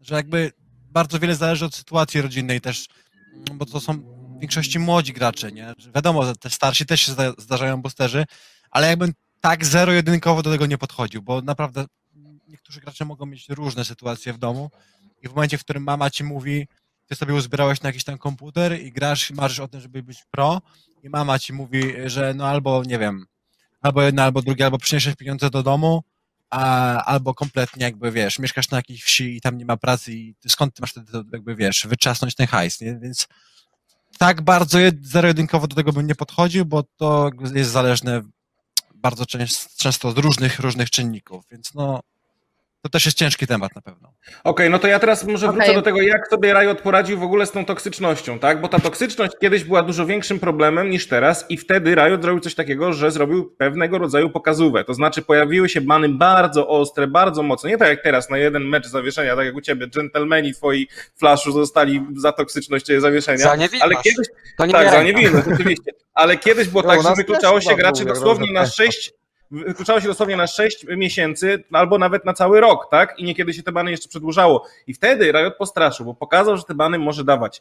Tylko jaki się później okazał problem? Gdyby na przykład teraz chcieli zrobić tak samo z boostowaniem. Jeśli jesteś graczem, który nie ma problemu, żeby boostować konta seryjnie do Challengera, to nagle się okazuje, że masz dużo super graczy, którzy nigdy nie pójdą pro, jeśli dostaną bana. I to też jest problem dla Riotu, bo Riot już pokazał, nawet w przypadku ludzi, których banował do końca kariery, że jednak znosił te bany i teraz to są ludzie, którzy często stanowią w ogóle czołówce, tak, y, europejskiej czy Stanów Zjednoczonych, jeśli chodzi o poziom gry. Więc to nie jest pod żadnym kątem prosta decyzja dla nikogo, bo Riotowi też zależy, żeby ci dobrze gracze grali i reprezentowali na przykład jakiś tam swój kraj. Tak, pamiętajmy, jak ludzie się zachowują. Jeśli jest gracz, który jest 1200, no jest takich historii mnóstwo, jest, jest w topowym tam miejscu na, w Challengerze i nie może dojść do teamu, no to to wie, wiecie o co chodzi. No jest zaraz gówno burza i zaczyna się dyskusja. Już się Druga raz Riot sprawa. ugiął. Druga sprawa, że gdyby Riot chciał usunąć, to by zrobił tak jak Blizzard, który w ciągu miesiąca wrzucił wszystkie strony boosterskie, czy to Hearthstone, czy Overwatch. Nie ma już żadnej strony, chyba że złapie się private boosting. A w LoLu mamy co roku coraz więcej jakieś nowe stronki się pojawiają. Więc no, gdyby Riot sam chciał, to by to zrobił w ciągu miesiąca, powysyłałby pozwy i, i, i by się skończyło to wszystko. Ale czy chce? No, wydaje mi się, że oni też badają rynek i wiedzą, kto boostuje na pewno, w jaki sposób te konta są flagowane i po prostu obserwują, jak, e, jak to wygląda. No, ja nie Myślę, że możemy odejść trochę od boostingu. E, Zamknijmy temat boostingu, a jakby wróćmy troszeczkę do tego, co się dzieje w organizacjach. E, Chciałabym Was zapytać, w jaki sposób w takim razie dobierać ludzi? Jeżeli już mamy te pieniądze, jeżeli chcemy utworzyć, nie wiem, działy e, graficzne, social media i tak dalej, wszystkie, które są potrzebne w naszej organizacji, to jak dobierać kompetentnych ludzi? I jakby też możemy tutaj zahaczyć troszeczkę o kolesiostwo i o, tym, y, o to, czy kolesiostwo istnieje na polskiej scenie, czy jakby e, przez to, że ludzie się znają, to e, są chociażby brani z polecenia, bo tak jest najłatwiej, jakby jesteśmy wtedy przekonani, że ktoś jest kompetentny i że chcemy go do pracy. Więc jak byście ocenili kompetencje pracowników i w jaki sposób wy byście chcieli dobierać ich do własnej organizacji? Kto zaczyna? Może najpierw Kamyk, No taką dobra, minę znaczy, ja powiem, to... znaczy, ja powiem tak, znaczy trochę, trochę osób e, bez doświadczenia w sumie e, do e-sportu wciągnąłem i bez jakiegoś tam backupu, że coś tam, coś tam działali i teraz sobie radzą fenomenalnie. Ja myślę, że to jest jednak trochę tak e, w przypadku e, u mnie to jest intuicja. Czasami to jest też tak, że musisz z tą osobą popracować, zobaczyć jak ona się adaptuje do różnych rzeczy, czy się, czy się wam dobrze pracuje, bo czasami może być po prostu tak, że jednak nie trybicie na tych samych e, falach i, i to nie jest ten, ten sam styl i po prostu musicie się pożegnać. E, Kwestia jest taka, że ja się bardzo przyglądam osobom, które robią dużo rzeczy amatorsko na przykład. Czyli mm, patrzę sobie po tych grupkach, e, kto tam organizuje jakiś turniej na przykład, albo kto tam coś komentuje mniejszego. Ja jestem taki, że lubię sobie e, pooglądać nie tych dużych już, już którzy gdzieś tam się wybili, tylko właśnie takich gdzieś, gdzieś raczkujących, czasami się odezwę, czasami nie zobaczę, może czasami kogoś polecę, bo u nas na przykład nie, może nie być miejsca, więc no jest też, to też jest dużo, co organizacja to obyczaj, bo pewnie koledzy tutaj powiedzą to totalnie inaczej, E, nie wiem, jak hit przykładowo skorzystało z tego know-howu e, Together Esports, bo to była bardzo fajnie, sympatycznie prowadzona organizacja. E, Do tej pory miło wspominam i mam nadzieję, że teraz będę wspominał, znaczy nie wspominał, tylko e, hit będzie się fajnie rozwijało w tym kierunku i, i to tak trzeba chyba robić. Już wspominać byś chciał, bo to się nie zaczęło jeszcze.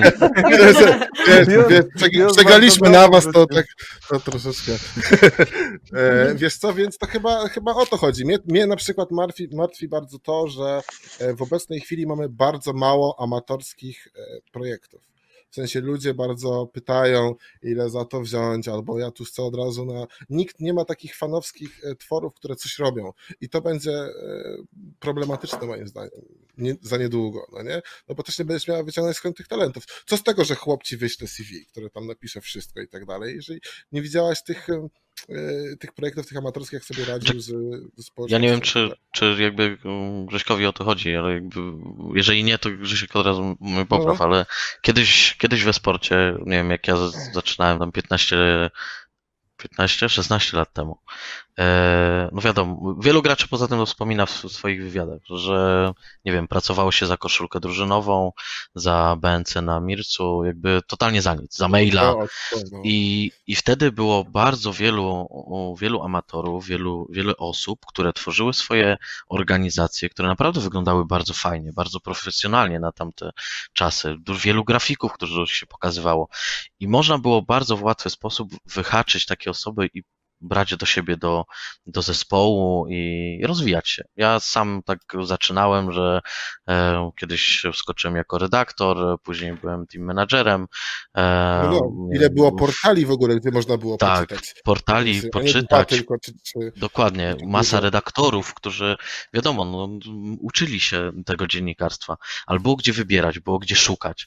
W tej chwili, to tak na dobrą sprawę, w wielu przypadkach trzeba bazować na intuicji, albo na tym, że ktoś się gdzieś się, nie wiem, przebija na Twitterze, a później okazuje się, że no, to jest dramat, że po prostu ta osoba fajnie, fajnie się sprzedała podczas rozmowy, fajnie się zaprezentowała, ale no to jest katastrofa, to jest zmarnowany czas i no nie tędy droga.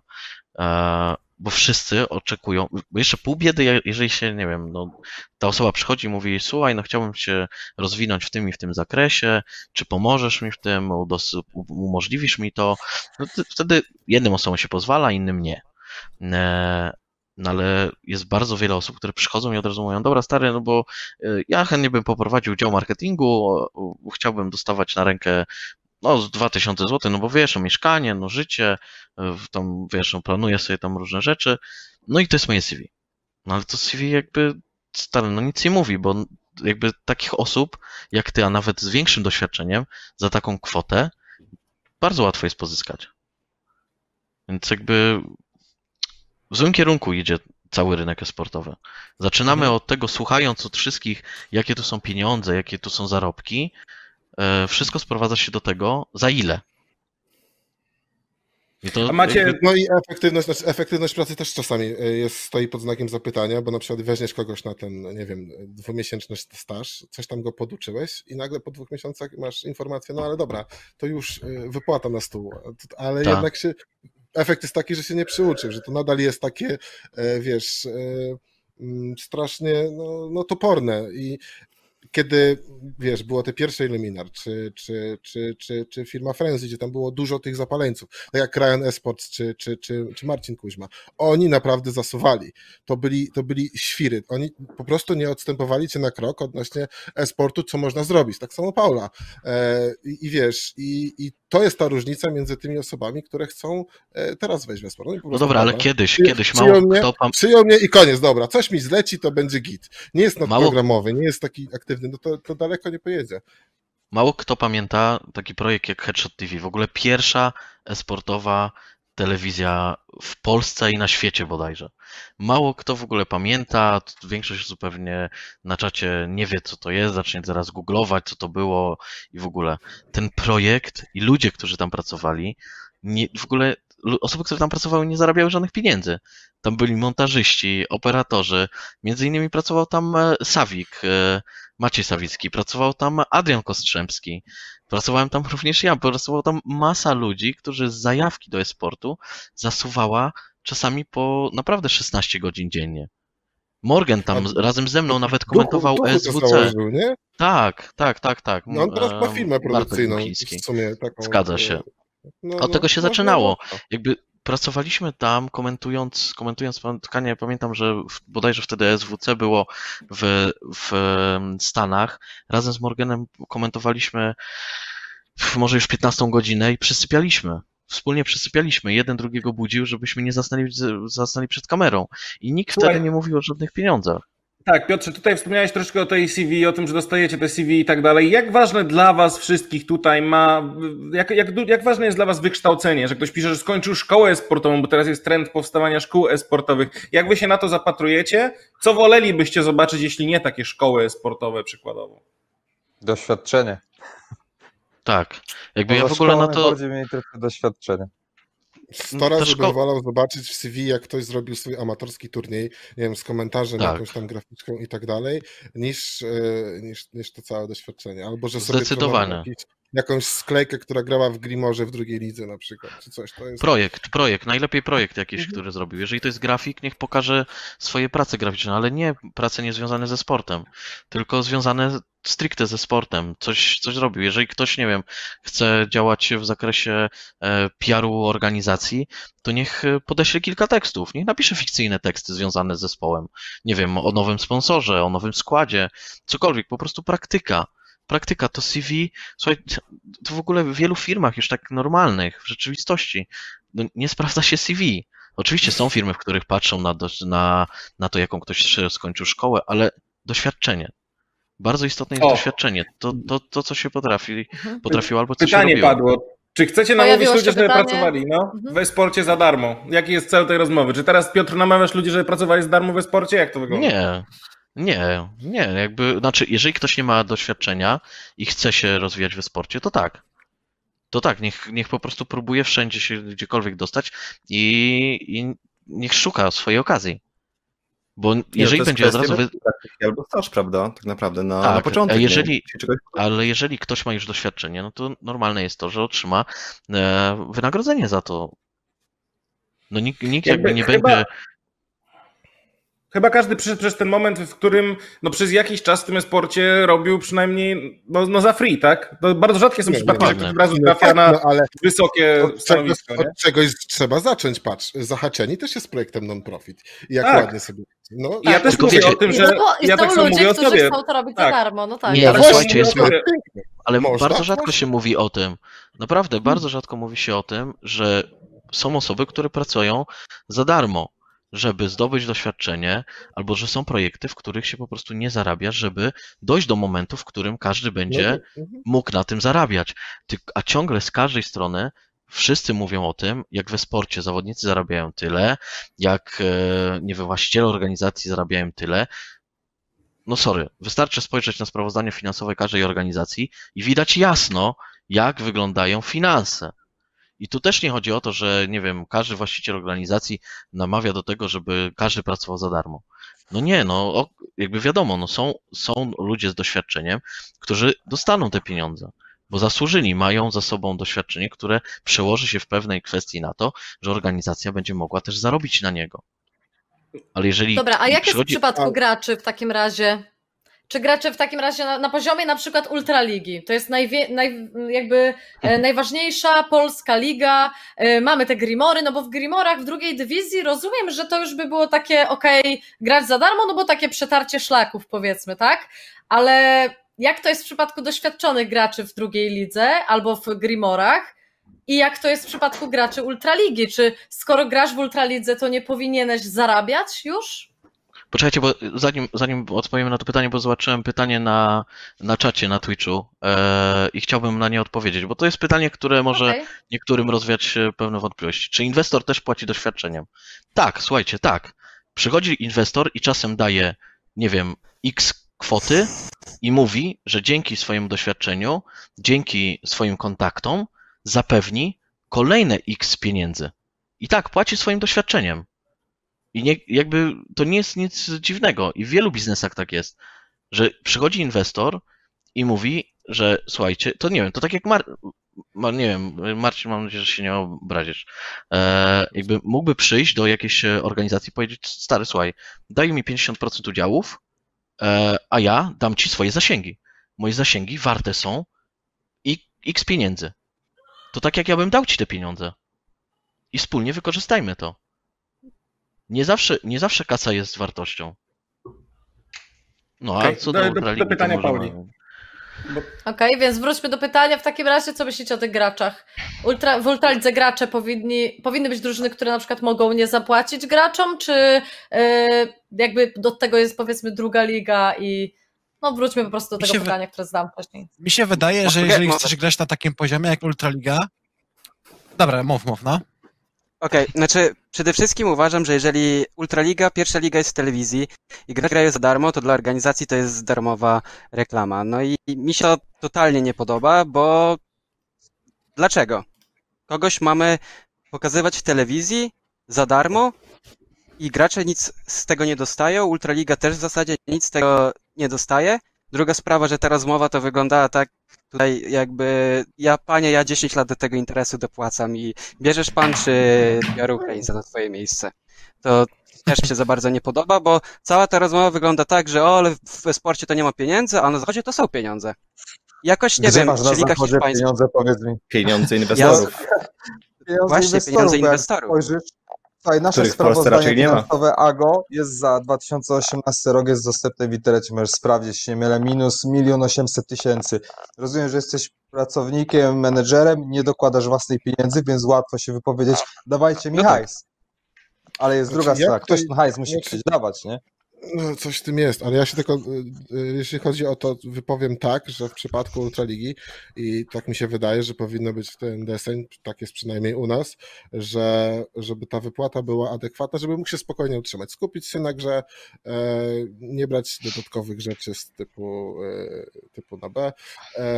E, i tak dalej, że mógł się spokojnie utrzymać, e, sobie grać spokojnie i tak dalej. Jeżeli chodzi o akademię, to nasza akademia miała tam po prostu, to było raczej takie małe stypendium, że po prostu można było, ten kontrakt też był, miał jakąś moc prawną, no bo to też bez sensu podpisywać z kimś kontrakt i ma tam niby jakieś wykupne, ale nic mu się nie płaci, więc ten kontrakt, kontrakt nie do końca ma jakąś super moc prawną, to da się obejść, ale to wejdziemy zaraz na temat poachingu i całej bazy rajotowej, więc to też jest coraz, coraz głębiej, coraz gorzej. E, więc e, no to, to jest moje zdanie. No nie, ale każdy, że tak powiem, e, zna zasobność swojego portfela, swojej organizacji, możliwości swoich sponsorów, inwestorów i tak do, dostosuje. No jedni będą mieli y, dobre pensje, drudzy będą mieli średnie albo normalne, albo na jakimś poziomie, a trzeci będą grali za darmo. No. Znaczy ja zawsze uważam, że to zależy. No jeśli masz topowe organizacje, które płacą tą pensję i rzeczywiście z tej pensji jesteś w stanie się utrzymać, a ty jesteś topowym zawodnikiem, ale cię do tej drużyny nie wzięli, do ani jednej, ani do drugiej, nie dostajesz żadnej oferty. I wychodzi na przykład na rynek organizacja, która całe swoje fundusze włoży, w ogóle włożyła w kupno tej slota w Ultralidze.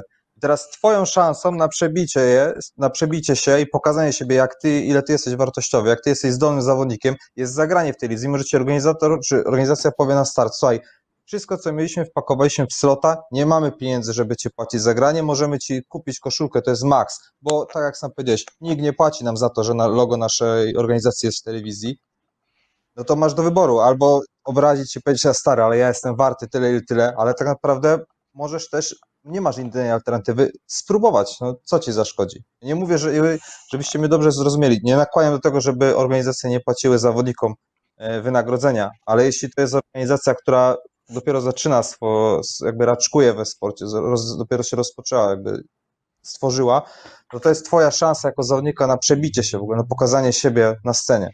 Okej, ale nie masz wrażenia, że to w takim razie też nie jest do końca okej, że po prostu wydaje całe swoje fundusze na slot, nie powinna zacząć właśnie od wejścia do drugiej ligi i posiadania jakiegoś małego budżetu na coś innego, tak? Czy powinniśmy się zgadzać na tym najwyższym poziomie rozgrywkowym w Polsce, na to, na to żeby zawodnicy, żeby były organizacje, które nie są w stanie płacić, czy nie, no wiesz, no bo jasne, no Mi się wydaje, słuchaj, że jest kwestia ultraligi, e, czyli masz, nie mówię o franczyzie, chociaż jest to dobry przykład e, rajotowej franczyzy, żeby w ogóle grać na najwyższym poziomie, no musisz płacić jakąś tą kasę, musisz być zdolny finansowo i utrzymywać zawodników i skład i nawet o, jakby całą logistykę, cały, całą otoczkę i pracowników, żeby w ogóle grać w naszych turniejach, w naszych rozgrywach, w naszych ligach. I to jest uważam w miarę sprawiedliwe.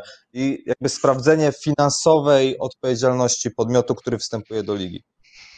Dokładnie, ja z tym się zgadzam i właśnie w tym jest problem, tak? Bo ja, ja wiesz, ja trochę nie lubię takiego mówienia na zasadzie, no ale im też jest ciężko, bo wydali wszystkie pieniądze na slota. No to kurczę, to może to nie jest czas i miejsce na to, żeby być w ultralidze, nie? Tak, taka jest moja opinia na ten temat.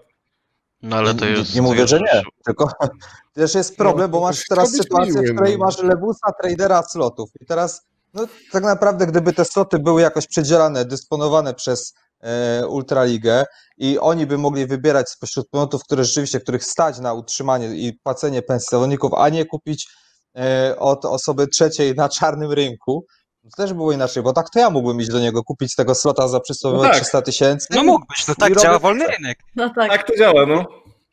też Kupuje ten, co na tym wolnym no rynku, proste. Dokładnie. Tylko potem na tym wolnym rynku przez takie zachowania są sytuacje, w których zawodnicy nie dostają pensji za granie, bo podmiot nie jest opłacalny.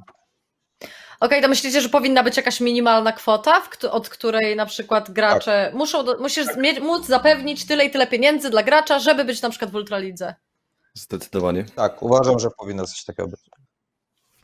Słuchajcie, zwłaszcza teraz, kiedy mamy... Na takim poziomie, tak, i to co pewnie chciał powiedzieć, mało jesteśmy na takim poziomie aktualnie, zdobyliśmy kolejne slot na Masters, wchodzimy na, chyba teraz jesteśmy z dwoma, czy trzema innymi państwami na tym samym poziomie pod względem ilości wód w EU Masters, że pewne standardy i minimum powinno być wymagane od organizacji. I Dobra, teraz właśnie bo- powiem jeszcze jedną rzecz. Je- Jeszcze sekunda, Piotr, zanim, zanim, zanim powiesz ty, co tak, chciałeś, tak. to I mamy teraz drugą ligę, więc potencjalnie zaplecze jest. Jeśli nie masz hajsu na płacenie w Ultralidze, zejdź sobie do tej drugiej ligi i teraz Ultraligę można byłoby nawet czasowo w w imię tych standardów zmniejszyć, tak? Bo jeśli byłoby przykładowo sześć drużyn, to mogłyby ze sobą grać nie tylko dwa razy, a nawet trzy razy i to jest rozwiązanie, które miało miejsce chociażby w Turcji, wtedy kiedy turecka scena się rozwijała, więc też to jest czasem dobrze dla tych drużyn, bo to znaczy, że topowe drużyny, jak mamy na przykład tutaj Illuminar, tak, mamy Ago, grają na siebie ten jeden raz więcej niż normalnie by grały, gdzie normalnie byłyby to słabsze drużyny, gdzie często nie, zawodnicy nie mają pieniędzy, tak, więc poziom też da się utrzymać, a potem załóżmy, Ultraliga mogłaby do, dołączyć kolejne zespoły, które są gotowe spełnić te minimalne wy, wy, wymagania. Kiedy istnieje druga liga, jest to dużo prostsze do, do, jakby do forsowania. No, Piotr, tutaj chciałeś coś dodać. Tak, bo jakby to jest świetna okazja do tego, aby zdementować pewne plotki, e, które pojawiają się notorycznie i mam nadzieję, że od tego momentu e, przestaną pojawiać się te plotki, chociaż zostały zdementowane przez niektórych zawodników. Ale zacznijmy od tego, co się pojawiło na czacie, że minimalna pensja w Ultralidze i Pride się nie zgodziło. To jest kłamstwo. E, I no jakby w ogóle nie wiem skąd się to pojawiło, bo również uważam, że jakby w takim podmiocie jak Ultraliga powinno być wymagane jakiekolwiek minimalne wynagrodzenie. E, Co prawda powinno wiązać to się z pewnymi kwestiami zarówno od Ultraligi, czyli e, fakt, że uczest, nie wiem, na przykład organizacja uczestniczy w Ultralidze również powinna otrzymać jakieś wynagrodzenie za to, że jest w tej Ultralidze. E, Pula nagród również powinna się zmienić, no bo jest jakby, no nie jest zbyt atrakcyjna mimo wszystko, ale to są jakby rzeczy obok, które m, gdzieś tam e, my jako uczestniczący Ultraligi rozmawiamy z, e, z e, chłopakami z Frenzy, z Polsat Games, e, z organizatorami Ultraligi, więc jakby pierwsza, pierwsza z e, plotek e, chciałbym zdementować, e, nie, Pride nie było e, nigdy przeciwne minimalnemu wynagrodzeniu w Ultralidze e, i nie wiem skąd się pojawiła ta plotka, E, I to jest w ogóle przykra plotka. Drugą e, plotką jest fakt, że Pride nie płaci zawodnikom w Ultralize i to również jest w ogóle jakaś plotka wyssana e, totalnie z palca, bo wszyscy zawodnicy grający w Ultralidze, e, w, League of, w Pride w League of Legends otrzymują wynagrodzenia. Otrzymują stałą wypłatę plus bonusy za osiągane cele, które są ustalane razem z zawodnikami przed podpisaniem kontraktu. I każdy zawodnik ma to jasno określone w swoim kontrakcie, jaki jest bonus za co. Między innymi za ligę zasadniczą, za top, e, nie wiem, e, w playoffach, e, za top w całego tu, turnieju. Więc jakby w ogóle plotka o tym, że Pride nie płaci w, w zawodników w Ultralidze jest totalnym kłamstwem i jeżeli będzie trzeba, to nie wiem, zgłoście się do, do Ultraligi, na Twitterze poproście o to, ja im udostępnię kontrakty i oni się wypowiedzą wtedy oficjalnie. Ja nie mam nic do ukrycia i powielanie tej plotki jest po prostu e, ja domyślam się, kto puścił, te, puścił takie plotki. Jest bezczelne i powoduje tylko to, że uśmiercacie polski esport, bo ja się z tego wybronię. Ja jestem w stanie się z tego wybronić, ale e, jeżeli osoby śledzące e, esport w Polsce widzą w kółko takie kłamstwa i widzą, że nie wiem, teoretycznie Pride, który jest tyle na scenie, nie płaci swoim zawodnikom w takiej lidze, to tylko powoduje, że, że to środowisko jest nieodpowiedzialne i nie warto w ogóle tracić czasu na to, aby cokolwiek tutaj robić. I dział, po prostu działacie na szkodę środowiska.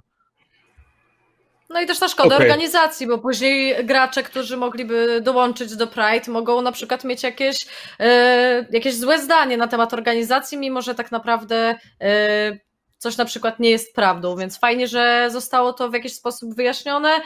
E, myślę, że możemy przejść trochę do problemów organizacji. Już zaczęliśmy trochę o tym rozmawiać, ale e, dwa razy już padł temat pandemii, więc jak mocno wpłynęła pandemia na polski esport, na polskie organizacje? I wydawałoby się właśnie, że Esport to jest taka branża, w której mniejszy jest ten wpływ pandemii, y, przynajmniej tak mi się wydaje. Bo na przykład jak spojrzymy na sporty tradycyjne, to y, Ale nie, wiem, nie są rozgrywane spotkania i tak dalej. Jeszcze y, Paula na chwilę no, chciałbym. Dobra, pewnie. Mhm. Bo nie, bo jakby Lewus, jakby czekałem na to, że Lewus po prostu to napisze. Więc jakby wracając do tego, kiedy Pride zaczynało swoją przygodę w Ultralidze i była rozmowa z Flashem, który tak, tak, naprawdę spowodował jakby swoim trochę zachowaniem, ale później się dowiedziałem, że Flash taki jest, więc jakby nie, nie, nie wiem, nie jestem na niego zły ja czy cokolwiek. No nie, nie, nie, to nie o to chodzi. Jakby twoje, twoje podejście, twój sposób mówienia spowodował, że jakby mm, po prostu stwierdziłem, że trzeba podjąć inne decyzje. Tak, była rozmowa prowadzona. Tak jest. Była rozmowa z Ravioli Ravioli o, ucze o uczestnictwie jak w podpisaniu kontraktów Pride i zagranie e, w Ultralidze jako Pride. Wtedy rozmawiali też z Paktem. I była, ofic- była rozmowa o tym, jak mogą wyglądać wynagrodzenia. Pride otrzymało slot na 4 dni przed rozgrywkami, więc e, konstruowanie budżetu, gdzie inwestuje się w inny tytuł, nie jest proste. I tak, oczywiście, wtedy zawodnicy. Nie, no, ale my powiedzieliśmy, że my chcemy grać za 5 stówek. Ale, po... no, ale po... poczekaj, poczekaj. Powiedzi... Wtedy powiedziałem, wtedy powiedziałem, że. Jak nie mówiłeś, chłopaki... wiesz? Nie, no dobra, mówił tak. Nie rozmawiajmy. Za, za 5 stówek. E, ja wtedy powiedziałem, słuchajcie, jakby okej, okay, chcecie grać za 5 stówek, budżet Pride na ten moment nie jest gotowy nawet na to, ale możemy podpisać kontrakt, w którym za osiągane cele otrzymacie te pieniądze. Wtedy powiedzieliście, że nie, bo wolicie iść do pakt, gdzie dostajecie od razu 500 zł. Nie, Szanuję nie powiedziałem tak, ja powiedziałem no, ci tak, ja okay. powiedziałem ci tak, no, że no dobra, dzięki za info, że ja pogadam, że ja pogadam, no okay. że ja pogadam okay. z graczami no, i słuchajcie, jak to się do ciebie tak odezwiemy.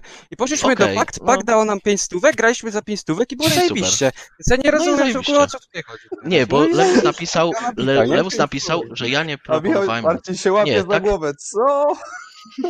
Lewus napisał, że ja nie proponowałem... To jest... I to jest kłamstwo, bo była propozycja i zawodnicy, którzy reprezentowali wtedy Pride, zarobili pieniądze.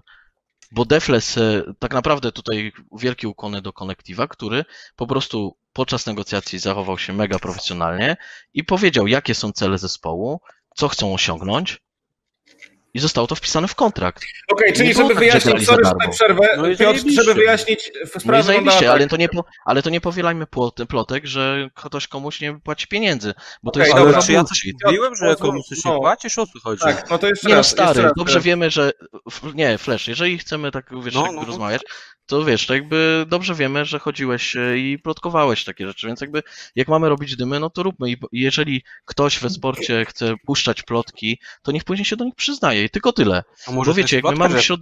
bo ja nie sobie nie no, przypominam. Okay. Z dobra, ręką okay. na sercu, ja powiem tak, Skończmy. że ja, jak mhm. powie... dobra, nie Dobra, to okay, nie plotkowałeś, dobra, dobra to przepraszam, dalej, nieważne, że nie było tematu. Przejdźmy dalej, nie chcemy, żebyście się kłócili. E, dobra, więc dalej... Nie, po prostu, nie, wiecie, bo jakby...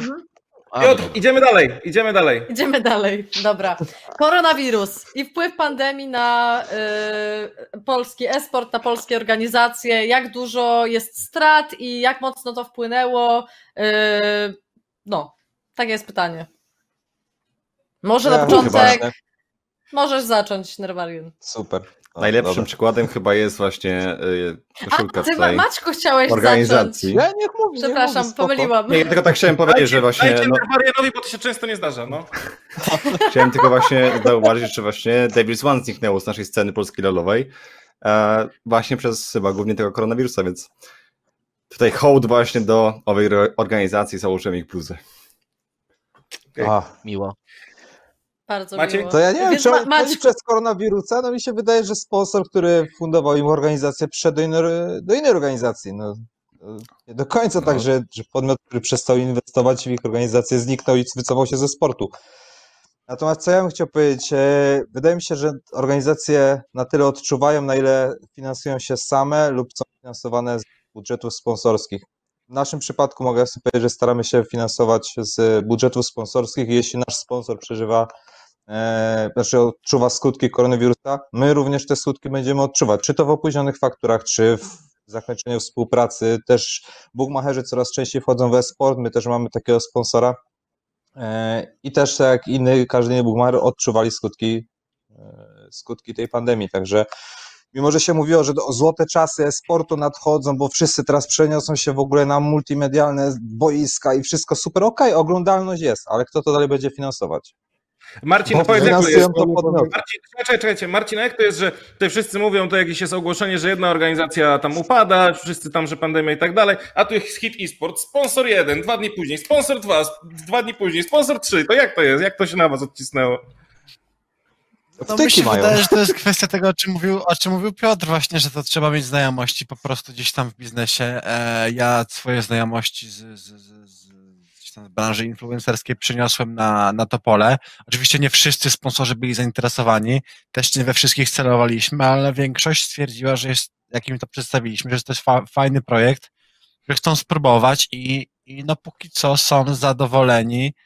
E, co pokazuje jakby, wiesz, chociażby e, ile czasu reklamowego zdążyliśmy gdzieś tam ugrać tą pierwszą grą, która została, e, pobiła rekord gdzieś tam długości gry, więc e, tak pół żartem, pół serio, no nie wiem, no my tego jeszcze nie odczuwamy, może dlatego, że to dopiero gdzieś tam wystartowało i e, gdzieś tam póki co e, będzie się miało dobrze u nas, no bo mówię, my się gdzieś tam zabezpieczyliśmy na kilka sezonów e, tymi sponsorami, a co będzie dalej, no to na pewno gdzieś tam będziemy starali się pozyskać, e, pozyskać coś jeszcze, żeby gdzieś tam spokojnie spać. Mm, No nie wiem, no też wiele osób mówiło, że to nie jest dobry czas, żeby wchodzić w ten biznes, e, w tę branżę. E, Jakby mówię to biznes, branżę ze względu na sponsorów. Nie mówię tego o, o jakby o, nazywam biznesem graczy i tak dalej, E, tylko jakby dostawałem takie sygnały, które mówiły mi, żeby tego nie robić, ale koniec końców, no, sponsorzy byli bardzo zainteresowani i stwierdzili, że hej, no, jeszcze właśnie w czasach lo- lockdownu to będzie bardzo dobry pomysł w sumie, no bo skoro e, wszystko się zamyka, nie można gdzie wychodzić, nie można nic nagrywać, no to teoretycznie e, branża, która no nie wiem, wydaje mi się, że nawet na tym może zyskać. W sensie na, na pewno, e, nie wiem na ile na sponsorach, wiem, że na pewno na oglądalności, skoro siedzisz w domu i oglądasz, e, no to w taką branżę warto jest wejść przy, przynajmniej na próbę. No i, no i sprawdziły się gdzieś tam moje, moje domysły, że, że no, będą chętni na podjęcie takiej współpracy. No i to ja mówię, no nie, nie, też to jest inna branża zupełnie, no ja wiadomo. Ja gdzieś tam w internecie się obracam od ładnych, od ładnych kilku lat, dlatego też wiedziałem, co robić, gdzie uderzać. Eee, mo, może inne organizacje mają takie problemy z racji tego, że mają innych sponsorów, inne jakby na innych zasadach działają. My byliśmy w stanie jakby swoje, swoje zasięgi zaoferować. Wiadomo, że teraz Ultraliga ma troszeczkę inny schemat działania. No, tego Media Dayu nie było, gdzie można było pokazać sponsorów. No wiadomo, oni są gdzieś tam pokazani na tych takich przybitkach i tak Wszystkich dalej. to boli. Ale e, no to no, wszystkich to boli. No, nas, nas niekoniecznie, nas niekoniecznie, bo na, nam to gdzieś tam Mnie dobrze bardzo. poszło, więc, więc no nasze gdzieś tam, no nie, no do, dostawaliśmy, dostawaliśmy powiedzmy sprzeczne sygnały, żeby tego nie robić, ale jakby zrobiliśmy to i póki co no wychodzi na to, że nasze się sprawdziło, nie? Więc no nie, nie czujemy nic jeszcze póki co. Kamek, jak to Więc wygląda? Czy to faktycznie jest właśnie. okazja? Okazja Znaczy, może? to, to- jest tak, że to zależy, naprawdę zależy od firmy, bo niektóra firma, mimo tego, że dostaje w, w ciry, no nie, poprzez ten lockdown i tak dalej, chce wykorzystać ten moment na ekspozycję w digitalu. No nic lepszego niż ekspozycja w digitalu nie będzie niż e-sport, którym, o którym tak trąbi cały świat i tak dalej e, i jak, jak pokazał, pokazany był Twitter. Więc to są takie e, dwie rzeczy, dwie rzeczy moim zdaniem, że jedne, jedne, jednych firm naprawdę to dosięgnie i tak dalej. My na przykład, znaczy na początku ja się obawiałem troszeczkę tak standardowo e, o Subwaya, nie? No bo Subway był najbardziej u nas narażony na, e, na tą całą akcję z koronawirusem, lockdown, zamknięcie i tak dalej, ale oni się nie wycofali, oni zostali, oni chcieli się prze- przekierować coś takiego, zrobić w digitalu i, i jak na razie odpukać jest wszystko, jest wszystko ok. Z tego, co też wiem i tak patrzyłem po, po, po, po, po raportach, no to wzrost, wzrosty odnotował G2A, sprze- sprzedaż gier. Tak samo Kingwin, że te wiesz, siedzieliśmy w domu, to kupowało się te gry i tak dalej, i tak dalej, taka naturalna Mhm. kolej rzeczy. Więc niektóre branże też e, odzyskały przy tym. No Okej, jak to naprawdę wyglądało w- Moim Mhm. zdaniem, moim zdaniem tak naprawdę to jest troszeczkę taki coin flip, że jednemu e, się uda, drugiemu się nie uda. Dobra? A jak to wyglądało w przypadku Pride też? Jak się na was odbiła pandemia? Eee, wiesz co, no jakby delikatnie na razie. No tak bym powiedział. Bardzo delikatnie. e, Na razie nie zostało to jakoś tam szczególnie e, odczute, ale myślę, że no początek, początek e, przyszłego roku może pokazać co i jak. No bo tak jak podobnie do, do Ago, no jakby, czy Pride generalnie od, od samego startu, e, pod, od powstania, e, no jakby funkcjonuje z finansów pozyskanych z rynku, czy od sponsorów. E, Oczywiście był, był wkład e, inwestorski, ale no też jakby ten wkład inwestorski e, zawsze jest starany do tego, żeby go spłacić. Żeby to też nie było tak, że no tylko są zainwestowane pieniądze, no ale ale jakby w tej chwili no, funkcjonujemy z, głównie z zebranego budżetu z rynku.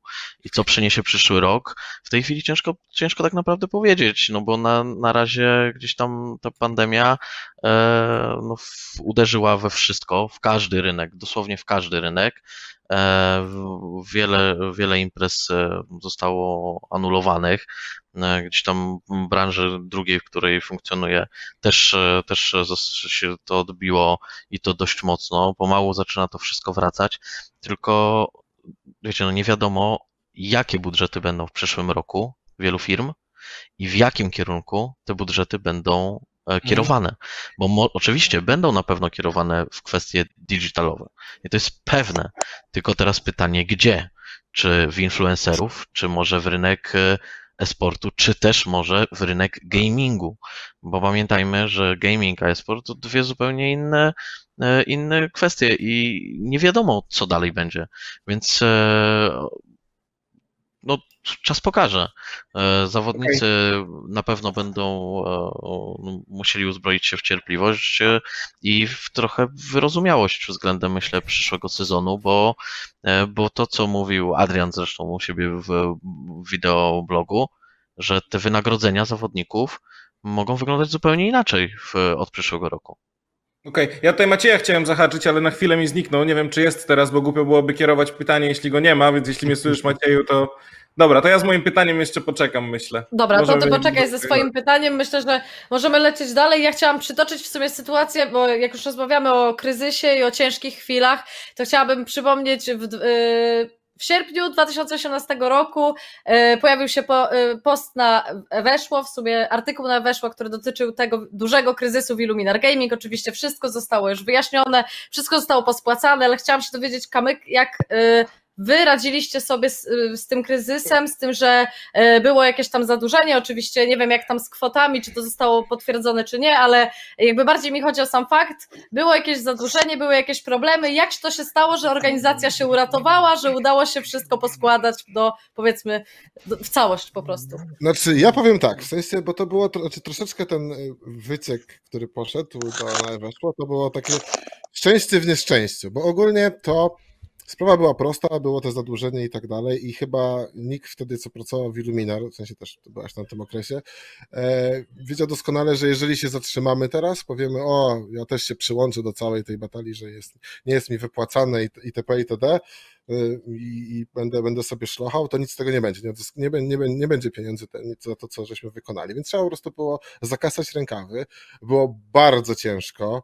E, To troszeczkę można powiedzieć, że psycha sitting, ale miałeś z tyłu głowy, że jeżeli się teraz poddasz, no to już kaplica do domu i tak dalej. Mieliśmy kilka rozmów inwestorskich. Jedne y, nie wyszły, drugie wyszły, trzecie coś tam. Wszystko takie było strasznie zamieszane i bardzo y, potrzeba było szybko decyzji. No to było, nie wiem, chyba maks tydzień. Po tygodniu pewnie już by Illuminar nie było. No i wtedy pojawiła się Ania, która do tej pory jest jednym z głównych e, udziałowców e, Illuminar. E, I gdyby nie jej decyzja, bo to też trzeba mieć e, jaja bolsy, żeby, żeby ogarnąć coś takiego i, i, i wyciągnąć organizację e, z, z dołka, podjąć tak szybko decyzję odnośnie, odnośnie brandu, no i jakoś poszło, no i teraz... Ale to jest w ogóle ciekawa kwestia, Kamek, bo pamiętam, że e, z tego co ja, ja, ja wtedy nie byłem z wami, więc ja to słyszałem gdzieś z zewnątrz, ale pamiętam, że pierwsza reakcja na to, że ten news się pojawił, to było chyba takie raczej, że ten przeciek w ogóle miał mieć miejsce z tego, co słyszałem, no to było trochę strachu, nie? Ale z drugiej strony to, że się okazało publiczne, to, że Illuminar ma problemy, też mogło trochę pomóc w tamtej sytuacji, nie?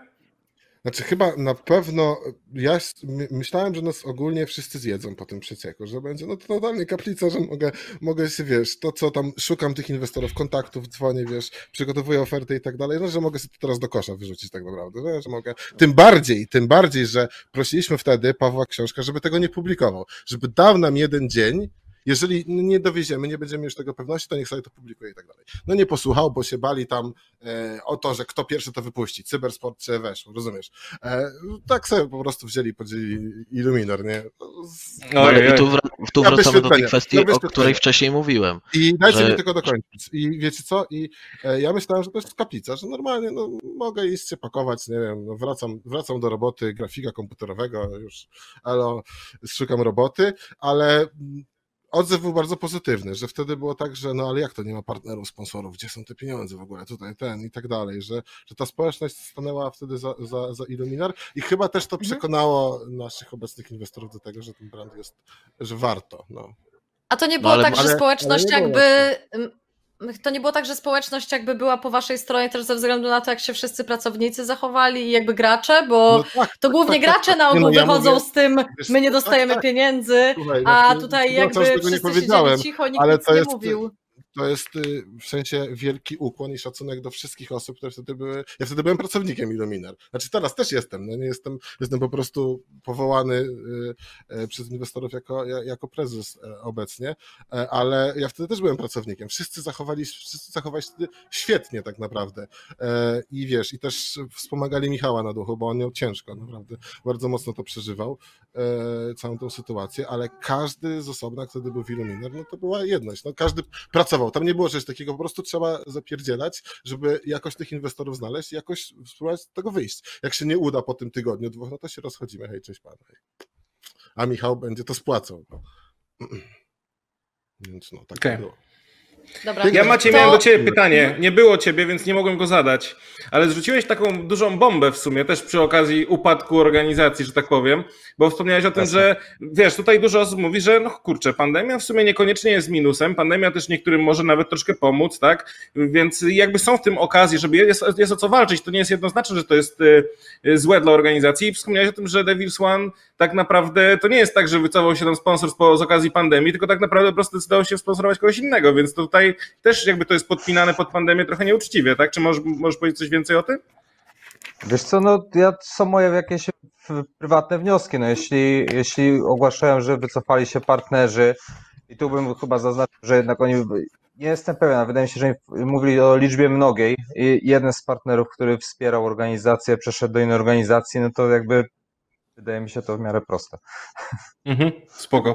Okej. A, już Dokładna wiem, informacja była Dobra, taka, już że y, Dobra, o, o, nie udało się obronić planowanych kontraktów sponsorskich. Tak brzmiała dokładnie informacja, którą podało Devil's One, więc chyba mogło, mogło być ich wiele.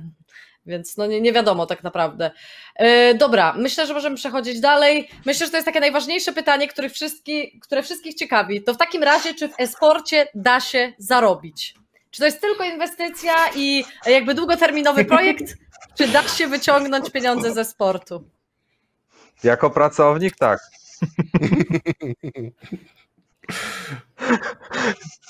No, ja mogę powiedzieć Okej, na naszym przykładzie. no, inwestycja. Mhm.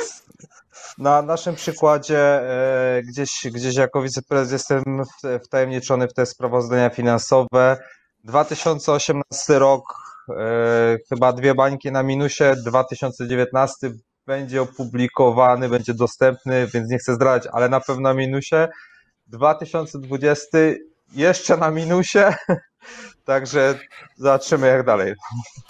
Ale jest Czyli to tak potencjał, jakby zbliża się to. będzie mniej, mniej na minusie będzie, na to liczymy, jakby z roku Wiesz na co? rok, czy jak to działa? I teraz i to jest pytanie, co chce, co, do czego dążysz jako, jako inwestor? E, bo nasi inwestorzy cały czas chcą do przodu, bo zainwestowali w CSA i na tym CSie mogliby się zatrzymać i pewnie byśmy już na siebie zarabiali, ale doszedł w międzyczasie był Fortnite, doszedł StarCraft, e, była przygoda z Hearthstone'em, e, doszedł LoL, tak jak mówiłem, doszli streamerzy, planujemy kolejne dywizje, rozglądamy się gdzieś, może jakiś sim racing, może EFT, cokolwiek, co, co też przyciąga uwagę fanów.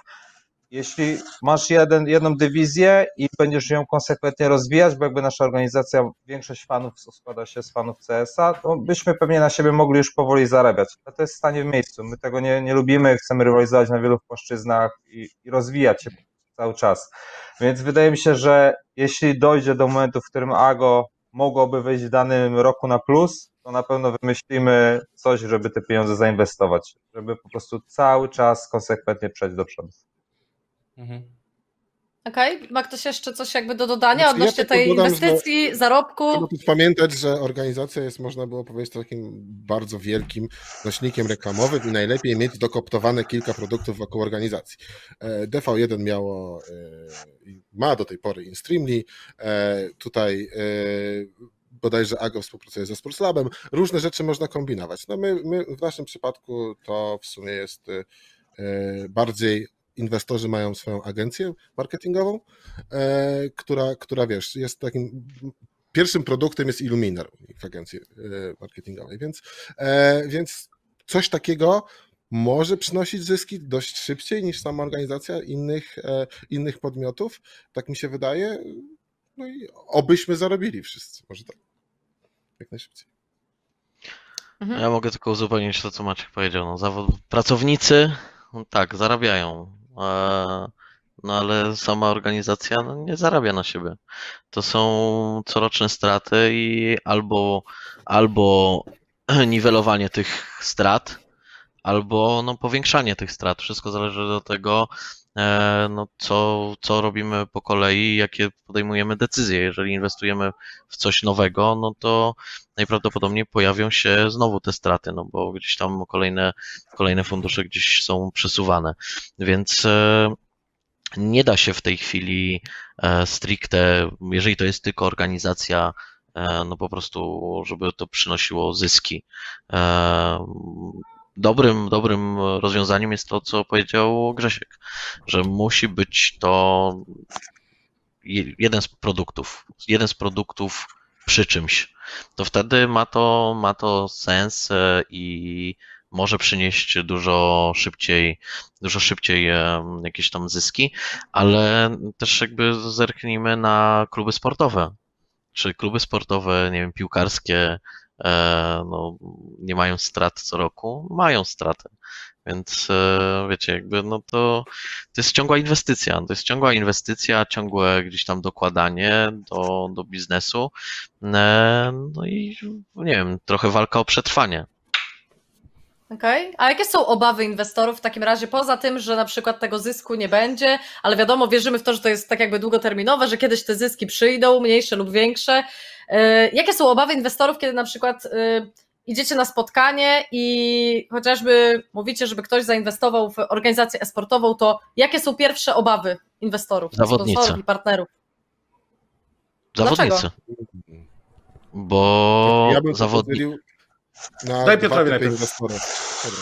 Dobra. Nie no, jakby największym, największym, przynajmniej z tym, co ja się spotkałem po i jakby w, nie wiem, w początkowych fazach i jakby w, pod, pod końcówce, w tej końcowej fazie, największym problemem są zawodnicy.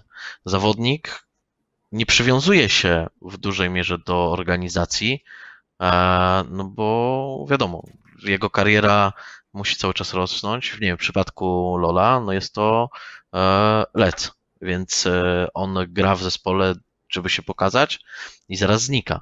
Więc e, no, organizacja inwestuje w zawodnika. Ten zawodnik w dużej mierze, wielu zawodników od siebie nic nie dają.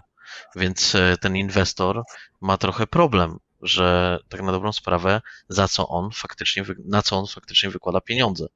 Więc e, troszeczkę w inny sposób trzeba e, prezentować e, zespół i w co te pieniądze idą.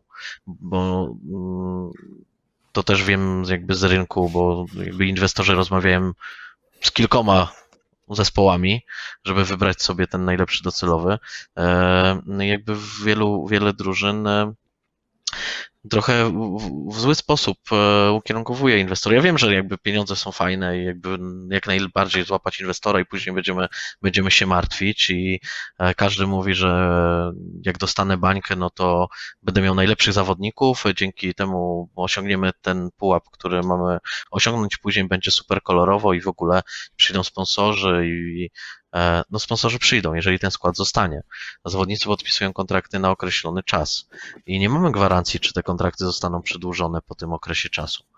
I oczywiście dla organizacji, każda organizacja chciałaby podpisać kontrakty na jak najdłuższy okres z zawodnikami, ale bardzo często jest tak, że zawodnicy chcą się rozwijać trzeba, no to jest zrozumiałe, że chcą się rozwijać, chcą grać w ligach e, regionalnych, mhm. zagranicznych, są większe pieniądze, e, chcą dostać się do leka, więc te kontrakty chcą podpisywać dla nich relatywnie jak najkrócej. A nie mm, jak w mhm. przypadku CESA, gdzie dużo łatwiej jest podpisać długoterminowy kontrakt. No to jest okay, taka ciekawostka. Zacząłeś coś mówić jeszcze. Mhm. Właściwie to, znaczy to, to Piotrek ma dużo racji, to jest problem sceny i ekosystemu tak naprawdę, bo w tym momencie LOL jest tak naprawdę troszeczkę na, w ofertach e, partnerskich jako, jako dodatek do tego, co robisz na co dzień. No, nie? no bo to tak naprawdę wysłasz ofertę, zanim ci e, odpowiedzą, minie dwa, dwa, trzy miechy, tego składu może już nie być, bo, bo poszli sobie do, do Leca czy gdzieś tam, no i to jest, i tu się, tu się kończy zabawa e, tak naprawdę, więc no ten ekosystem jest dość ciężki, a jeżeli wracając do inwestorów, to też można powiedzieć na dwa typy, no bo jedni będą chcieli E, perfekcyjnego Excela tak naprawdę, wiesz, że tam jakoś tam oszacujesz to i za ile możesz kogoś sprzedać, ile jest szacunkowy e, kontrakt e, sponsorski. Trzeci będzie mhm. chciał po prostu jakąś tam wizję bardziej sportową, bardziej może jak to, jak to rozwinąć i, i, i, i, i tak dalej. Bo tutaj Piotrek poruszył temat tych zawodników. No, w moim przypadku znaczy nie spotkałem się z inwestorem, który by tak bardzo mocno ingerował tak w, w tych graczy. W sensie, no zdarza się, ale to, y, no nie wiem, to nie jest, w sensie, no jak już gadasz o pieniądzach, to go tam nie interesuje, jeżeli działa, działa ten przedmiot, znaczy podmiot, no nie, e, to go tam nie interesuje, jak to ten trener sobie to dobiera, chyba, że tam się coś źle dzieje i ani zarząd, ani head manager, ani nikt nie potrafi sobie z tym poradzić, no to, to, to wtedy może faktycznie wejść. To też zależy, no. Okej, okay. ja Maćku, zacząłeś mówić? Tak, e, ja taką ciekawostkę mogę powiedzieć, że z tego co ja pamiętam, jak rozmawiałem z naszymi inwestorami, to ich e, poza wcześniejszymi inwestycjami gdzieś w ogóle w ten świat, e, wtedy jeszcze YouTube'a czy w Abstra i, i następnie przejście w taki esport czy gaming, to ich przede wszystkim zawodnicy zainteresowali. To był zespół, z, który występował gruby Furlan, wtedy jeszcze Snatchy, PHR i Tao i ich osiągnięcia. To mogę przyznać śmiało, że tutaj pod, pod Piotrkiem się podpiął w tej kwestii, ale patrząc dalej, e, jeśli wrócimy do tych kontraktów, to mnie zszokowało, kiedy zaczęliśmy się inwestować rolem, a to było jeszcze dosyć sporo czasu przed e, w ogóle utworzeniem Agorok. I właśnie jest ten ekosystem, gdzie mnie zszokowało, że zawodnicy przychodzą i proponują mi, że zagrałem u nas jeden split. Jaką on jest dla mnie inwestycją? To słuchaj, no my podchodzimy do gazu, ty potrzebujesz pieniędzy, żeby się rozwinąć, i może to zaowocuje. Jeśli to zaowocuje, to ja może cię sprzedam, ale jak nie zdążę cię sprzedać w tych granicach półrocznego kontraktu, to generalnie zainwestowałem w ciebie. To, to żadna dla mnie inwestycja. To my, mhm. my proponowaliśmy graczom pożyczki. Jeśli ty chcesz w siebie zainwestować, chcesz się rozwijać, a nie masz na to pieniędzy, my to te pieniądze pożyczymy. Ty nam oddasz jakiś uczciwy procent z tego. No bo gdzie jest sens w sześciomiesięcznym kontrakcie, kiedy ty rzeczywiście przebijesz się i wyjdzie tobie dalej? I, gdzie ja mam z tego korzyść jako inwestor? No nie mam Okej, okay, to, to zaczęło bardzo fajny temat. To w takim razie, czy. E, bo w sporcie często jest tak, że w kontrakcie jakby. Nie wiem, jak to się dokładnie nazywa, ale jest chyba taka zasada, że y, organizacja, która cię miała wcześniej, czy tam klub sportowy, który cię miał wcześniej, to jakby on ma jakiś procent później z tego, że ty idziesz to dalej i tak dalej. Czy, Słuchaj, takie coś nie istnieje w klubach piłkarskich, takie coś istnieje w klubach mhm. piłkarskich i myślę, że, że już to jest przenoszone do sportu i będzie na większą skalę, bo ja też nie widzę problemu, dlaczego jeśli ja mamy super zawodnika i sprzedajemy go dalej i wiem, że to będzie perspektywiczny, że będzie super i kwota nie jest na przykład, Mówię się szczerze, nikt jeszcze nie dostał kwoty wykupu, jaka była w kontrakcie wpisana. Nie, nie znam takiej osoby, która by zapłaciła kwotę wpisaną w kontrakcie. Prawda. Jest to zawsze zaniżona kwota, i są te bonusy, które może sobie sprzedający e, wynegocjować w trakcie tych, tych rozmów. E, Marcin, ja mam pytanie troszkę o waszą politykę teraz, bo tutaj bardzo ciekawy temat. Co jeśli u was się teraz, mówiłeś, że wiadomo, zaczynacie na spokojnie, ale z perspektywy czasu chcecie walczyć o topkę, to jest naturalne, tak? Chcecie być jedną z najlepszych drużyn w Polsce na pewno. Co jeśli teraz się okaże, że jakiś twój zawodnik jest takim turbo kozakiem i wiesz, i on po prostu będzie odchodził? Czy ty czujesz jako nowy to teraz właściciel wchodzący, czy masz jakikolwiek leverage, czy masz jakikolwiek możliwość tego, żeby go zatrzymać, czy raczej masz takie podejście, chłopaki, realizujcie swoje marzenia, macie lepszą ofertę, to idźcie śmiało, nie ma, nic was nie zatrzymuje. Wiesz co, znaczy to jest bardzo indywidualne podejście do każdego z zawodników. Mamy, mm, zwłaszcza w przypadku tych młodych, e, się tam gdzieś tam zabezpieczyliśmy e, przyszłościowo, z racji tego, że no mówię, mm, i w akademii, i czyli w tej ultralidze drugiej, i w, w tej głównej, ci młodzi zawodnicy dopiero w to wchodzą i zaczynają budować swoją markę, swoją markę jako gracz, swoją markę jako, jako po prostu marka, jako osoba i gdzieś tam my inwestujemy w nich bardzo wiele, swój czas, swoje pieniądze i tak dalej. E, e, często robimy jakieś po prostu szkolenia, mm, mam jeszcze kilka przed sobą, tak jakby e, nie tylko jako gracze, w sensie jako gdzieś tam marketingowo, żeby wiedzieli potem jak się sprzedać i jak, jak w tym świecie się obracać. Więc kiedy my budujemy ich markę, budujemy ich jako, jako, jako postacie, które gdzieś tam potem mogą wypłynąć Wiadomo, że teraz popularność tam może mieć duże znaczenie w, w kwestii tego, czy jakieś, jakieś, jakaś drużyna, czy jakaś marka, firma będzie się nim interesowała. To my chcemy się też zabezpieczyć właśnie, żeby ta, żeby on nagle nie powiedział, dobra, to dostałem od was e, szkolenia za kwotę x tysięcy, dostałem od was naprawdę bardzo wiele, ale ja stwierdzę teraz, tak jak tutaj, że no, ja sobie teraz pójdę i, i dzięki, cześć, nie? Zwłaszcza, gdzie on jest dopiero na początku tej drogi, więc, więc my się gdzieś tam kontraktami zabezpieczyliśmy, e, przed tym, gdyby, gdyby on się zachował nie fair wobec nas, bo jeżeli faktycznie przyjdzie jakaś drużyna, która będzie nim zainteresowana, która będzie chciała go wziąć gdzieś tam dalej i on będzie miał tam możliwości rozwoju jeszcze większe niż u nas, to oczywiście gdzieś tam mm, my nie jesteśmy tacy gdzieś tam, że no dlaczego ty nie zostaniesz, nie zostaniesz e, w naszej drużynie, przecież mamy kontrakt, tylko stwierdzimy, że no dobra, no to e, jakoś tam dogadamy na pewno, ale no nie będziemy ci utrudniać drogi rozwoju. E, zwłaszcza, że gdzieś tam no mówię, on też, oni są gdzieś tam na początku, więc to też nie jest aż tak bardzo prawdopodobne, aczkolwiek bierzemy to pod uwagę. A z tymi starymi wyjadaczami, no to mówię, oni też gdzieś tam są na tyle cwani, że po prostu nie za bardzo chcą się wiązać na te kilka sezonów do przodu e, i tak dalej, więc oni też jakby mając jakieś tam aspiracje, e, na przykład Buco mając jakieś tam aspiracje po prostu gdzieś tam na, e, na coś więcej, no on nie może sobie na to pozwolić, no bo my go weźmiemy do siebie na na przykład na pięć sezonów go podpiszemy i on będzie pięć sezonów się musiał kisić tutaj, e, gdzie nie będzie żadnych wyników, bo my mamy powiedzmy sobie plan na rozwój i jakby na, na dotarcie się i gdzieś tam na to, żeby sobie fajnie wystartować i dopiero potem będziemy o tym myśleć. On też ma dwadzieścia kilka lat, 25 bodajże, czy tam 6 i mm, dla niego perspektywa grania pięciu sezonów tutaj no nie jest zbyt kolorowa w momencie, w którym on nie może się tu rozwinąć, nie może sięgać po te tytuły, więc to też jest jak najbardziej e, zrozumiałe, jeżeli chodzi o tych starszych graczy, o tych, którzy mają już jakieś doświadczenie.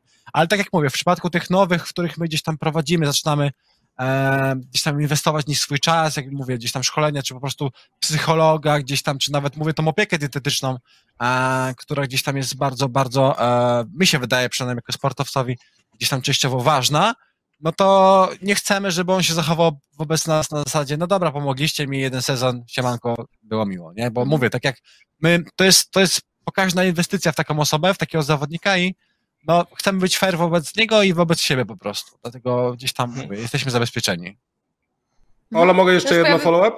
Pewnie, możesz ty też, pewnie, masz bo mam też Dobra, fajne, fajne pytanko wyśliowe. dawaj, dawaj Dobra, e, więc gadaliśmy o tym e, inwestowaniu w zawodnika, to jak to jest z przywiązaniem do zawodnika, a jak z przywiązaniem do organizacji? Bo mi się wydaje, że na polskiej scenie brakuje nam trochę takiego, wiadomo, niektóre organizacje już, już trochę mają to zbudowane, ale często jest tak, że jest jakiś zawodnik, ma wiele, wiele fanów i jakby jak odchodzi z tej organizacji, to ci fani jakby odchodzą z nim i nie ma czegoś Przechodzą. takiego, że przecho- że, przecho- że przechodzą na organizację i oni kibicują organizację, że jest takie przywiązanie do organizacji, jak na przykład mamy w przypadku klubów sportowych chociażby, gdzie nieważne kto gra, ale kibicuje się tej organizacji, bo to ta organizacja i jak moglibyśmy bu- budować takie przywiązanie do organizacji, powiedzmy, żeby ci, jak zawodnik najlepszy, nie wiem, gwiazda drużyny od nas odchodzi, to my nic nie tracimy, albo tracimy niewiele tylko tych jego fanów, powiedzmy. Ja nie wiem, czy to jest w ogóle wykonalne. Jakby- Je, jest, jest, na pewno jest. No, znaczy, no właśnie, Marcin, nie do końca, bo jakby mamy przywiązanie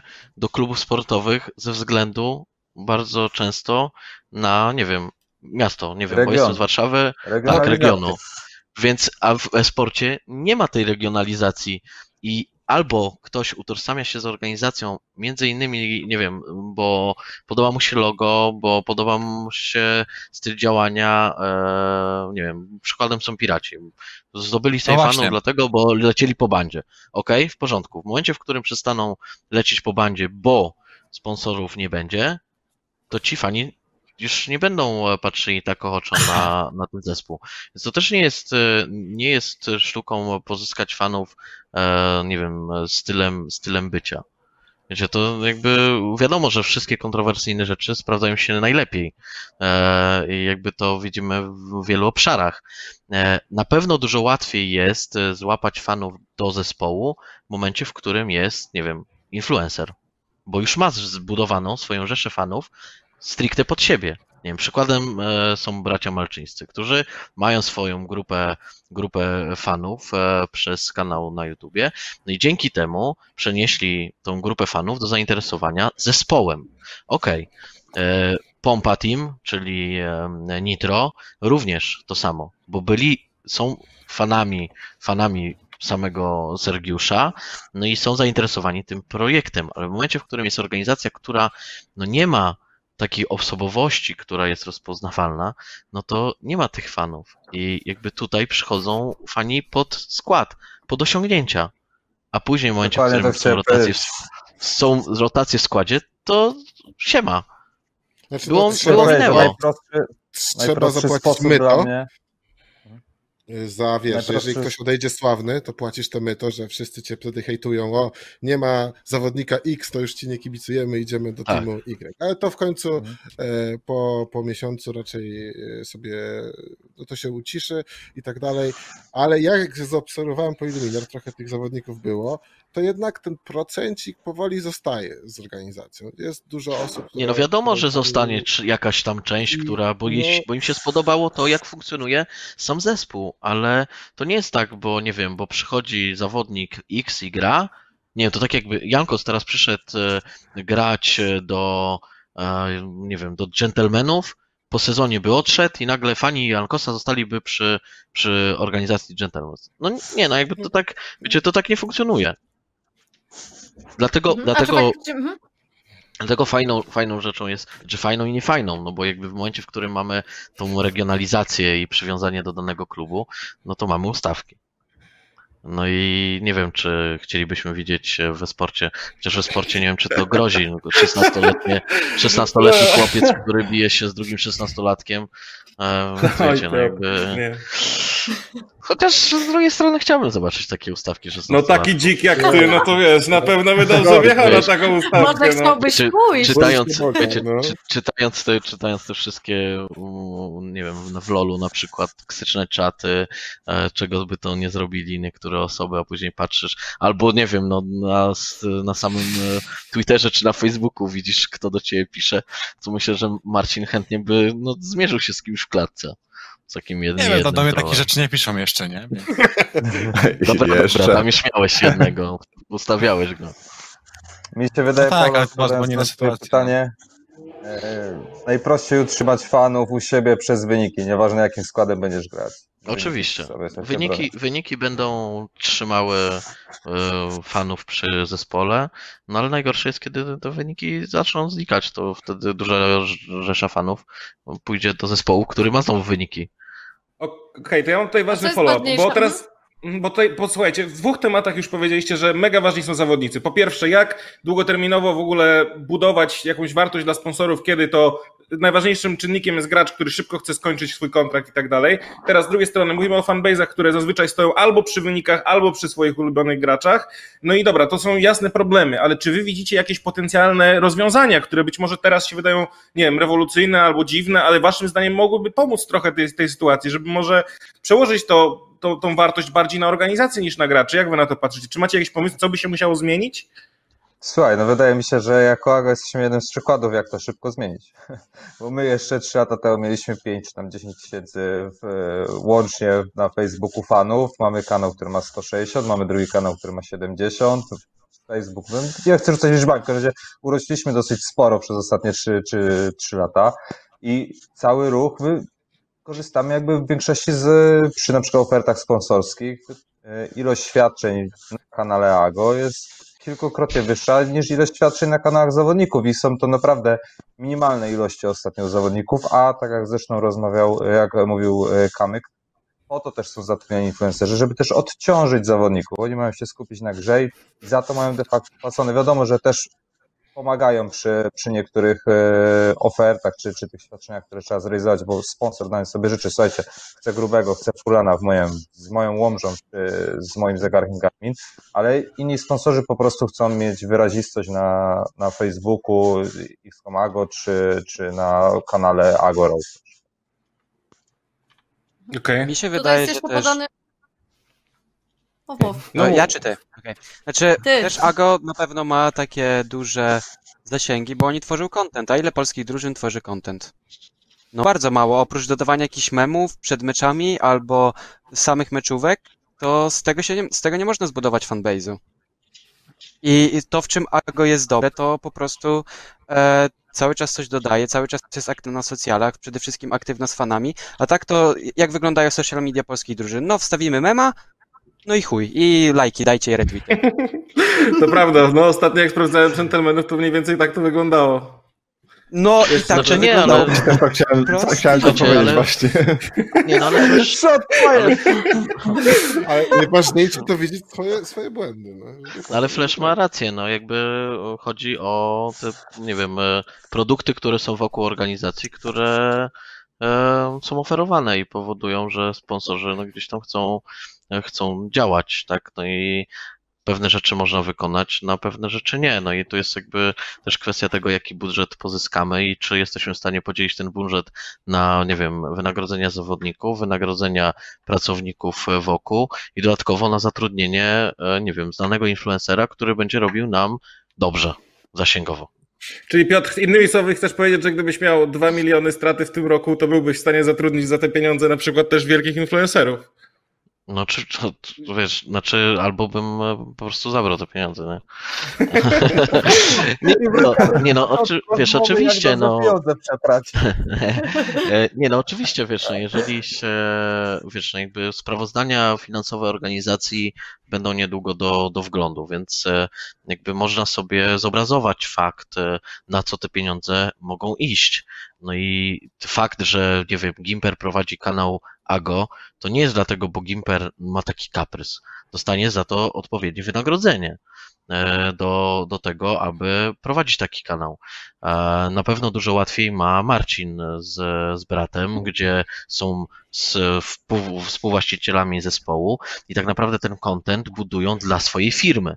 Dlatego mówiłem, że zespół, który, który jest prowadzony przez influencera, znanego youtubera, czy, e, czy kogo, czy aktora, czy sportowca, whatever, e, no dużo łatwiej ma, bo ma te zasięgi, no i jakby mm, nie, nie wydaje pieniędzy na na dodatkowe rzeczy. Dlatego organizacje w tej chwili idą, nie wiem, na przykład streamerów i pozyskują streamerów i później sprzedają w swoich e, prezentacjach sponsorskich, że e, organizacja ma 2 miliony wyświetleń, tak? I składa się na to 50 streamerów małych, którzy mają tam e, po 50 oglądających e, na żywo w tym samym czasie. Oczywiście, no jest to pewien pomysł na biznes, e, tyle że jest tutaj jedna ważna kwestia do której na przykład ja mam obawę i dlaczego nie gdzieś tam cały czas rozważam i boję się wejścia w streamerów.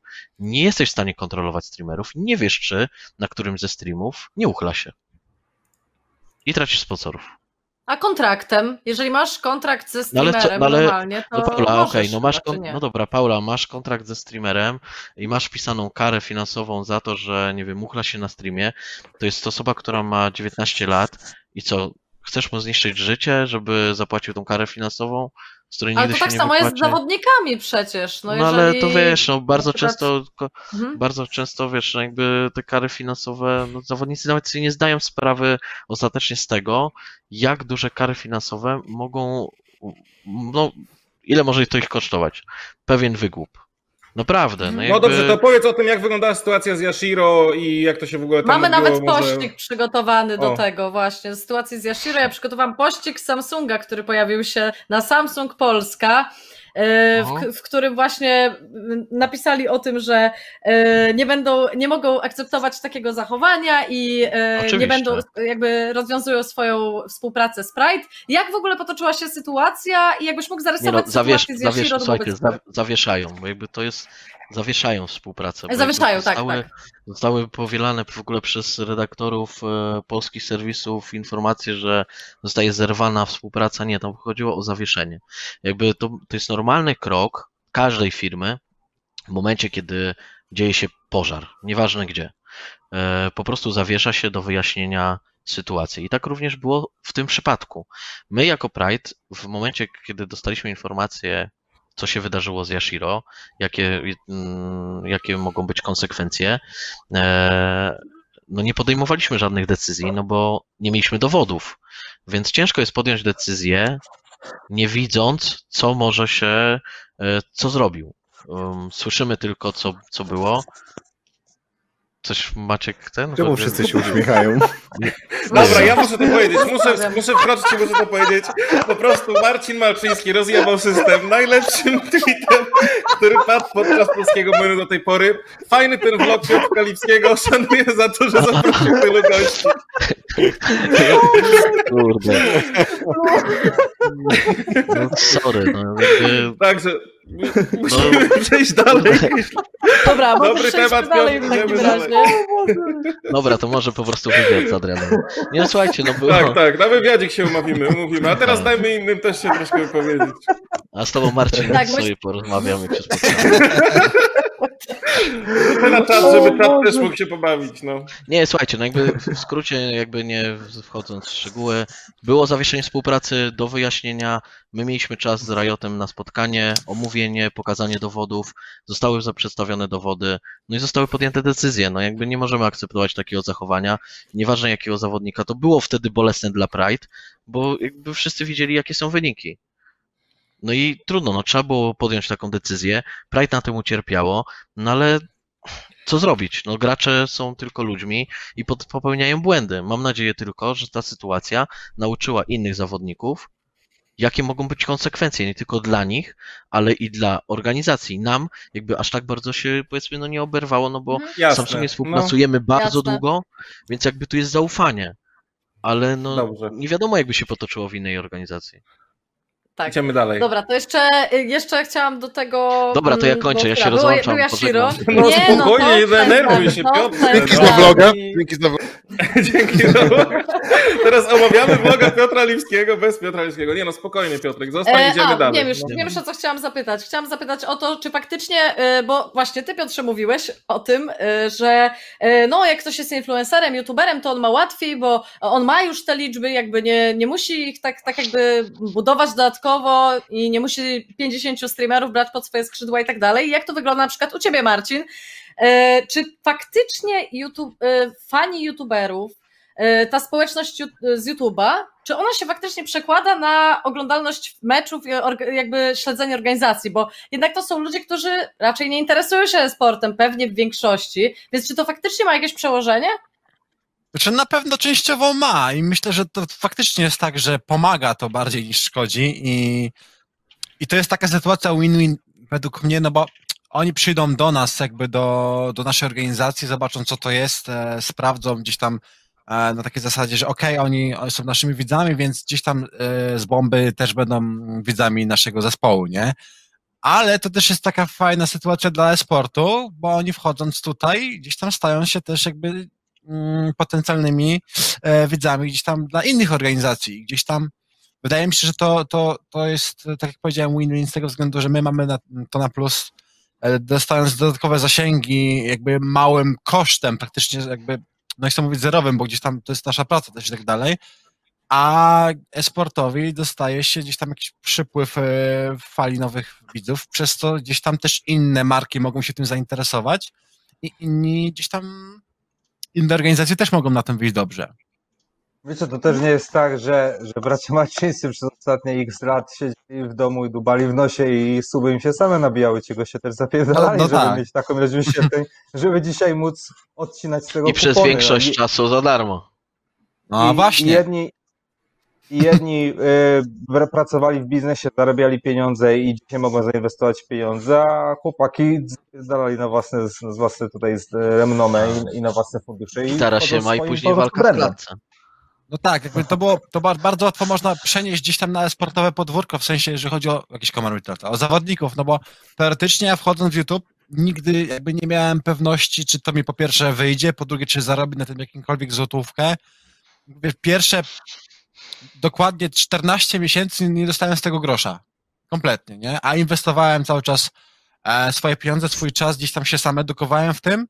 No i po 14 miesiącach gdzieś tam dopiero to, to ruszyło ale przez ten czas wcześniej całkowicie robiłem to gdzieś tam za free. I jakby, o ile zgadzam się, że jeżeli ktoś wchodzi, buduje swoją markę, to jeżeli nie ma takiego wymogu, że muszą być gdzieś tam płatności i tak dalej, no to, to, to, to spoko, a jeżeli on się na to godzi, bo wie, że to jest jego gdzieś tam początek drogi, no to jak najbardziej ja byłbym w stanie, wchodząc teraz na miejsce jakiegoś zawodnika i oczywiście powiedzmy sobie, że nie mając sytuacji ciężkiej w domu czy coś tam, że musiałbym po prostu pracować, dostać pieniądze i stwierdzam, że no niestety albo mi zapłacicie, albo ja idę gdzie indziej, no to mógłbym się zgodzić na to, żeby gdzieś tam po, po, po, pograć sobie za darmo, pokazać, że warto jest we mnie zainwestować, że to jest, e, to jest e, coś, co ja chcę robić przyszłościowo i pokazać się z jak najlepszej strony. No ale jeżeli masz gdzieś tam jakieś problemy czy coś e, w domu, czy też no, jakąś ciężką sytuację po prostu finansową, no to różnie to bywa, ale mówię, no ja robiłem coś za darmo, teoretycznie nie mając kompletnie żadnej pewności, że to kiedykolwiek mi wyjdzie. No ale jak grasz w Lola, no to widzisz, że jesteś dobry i progresujesz, no to masz gdzieś tam jakąś świadomość tego, że no to się może udać, więc mogę sobie dać czas, żeby spróbować e, gdzieś tam się pokazać. Powiedzmy, może nawet nie za darmo, ale za jakąś niższą, niższą kwotę e, w momencie, w którym zaczynasz budować swoją markę jako, jako gracz. Okej, to jeszcze co, to w takim razie co jest ważniejsze dla inwestorów? Liczby czy wynik sportowy? Zależy od To- inwestorów. Zależy Zależy od dokładnie, od inwestorów. inwestora, tak mi się wydaje.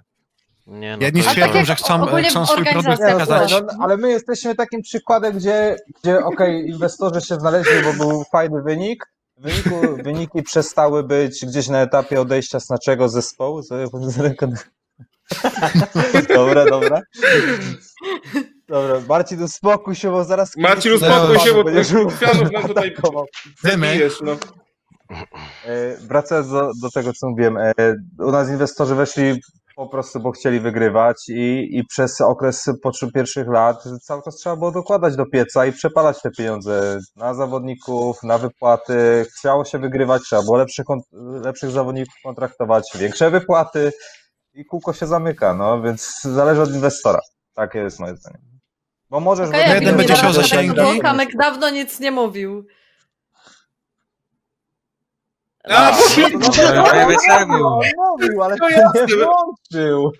Masz mikrofon wyciszony. Nie dzi- O, ale cichutko siedział mam. młynu. Kurde. A później pretensje, że to mój tylko vlog.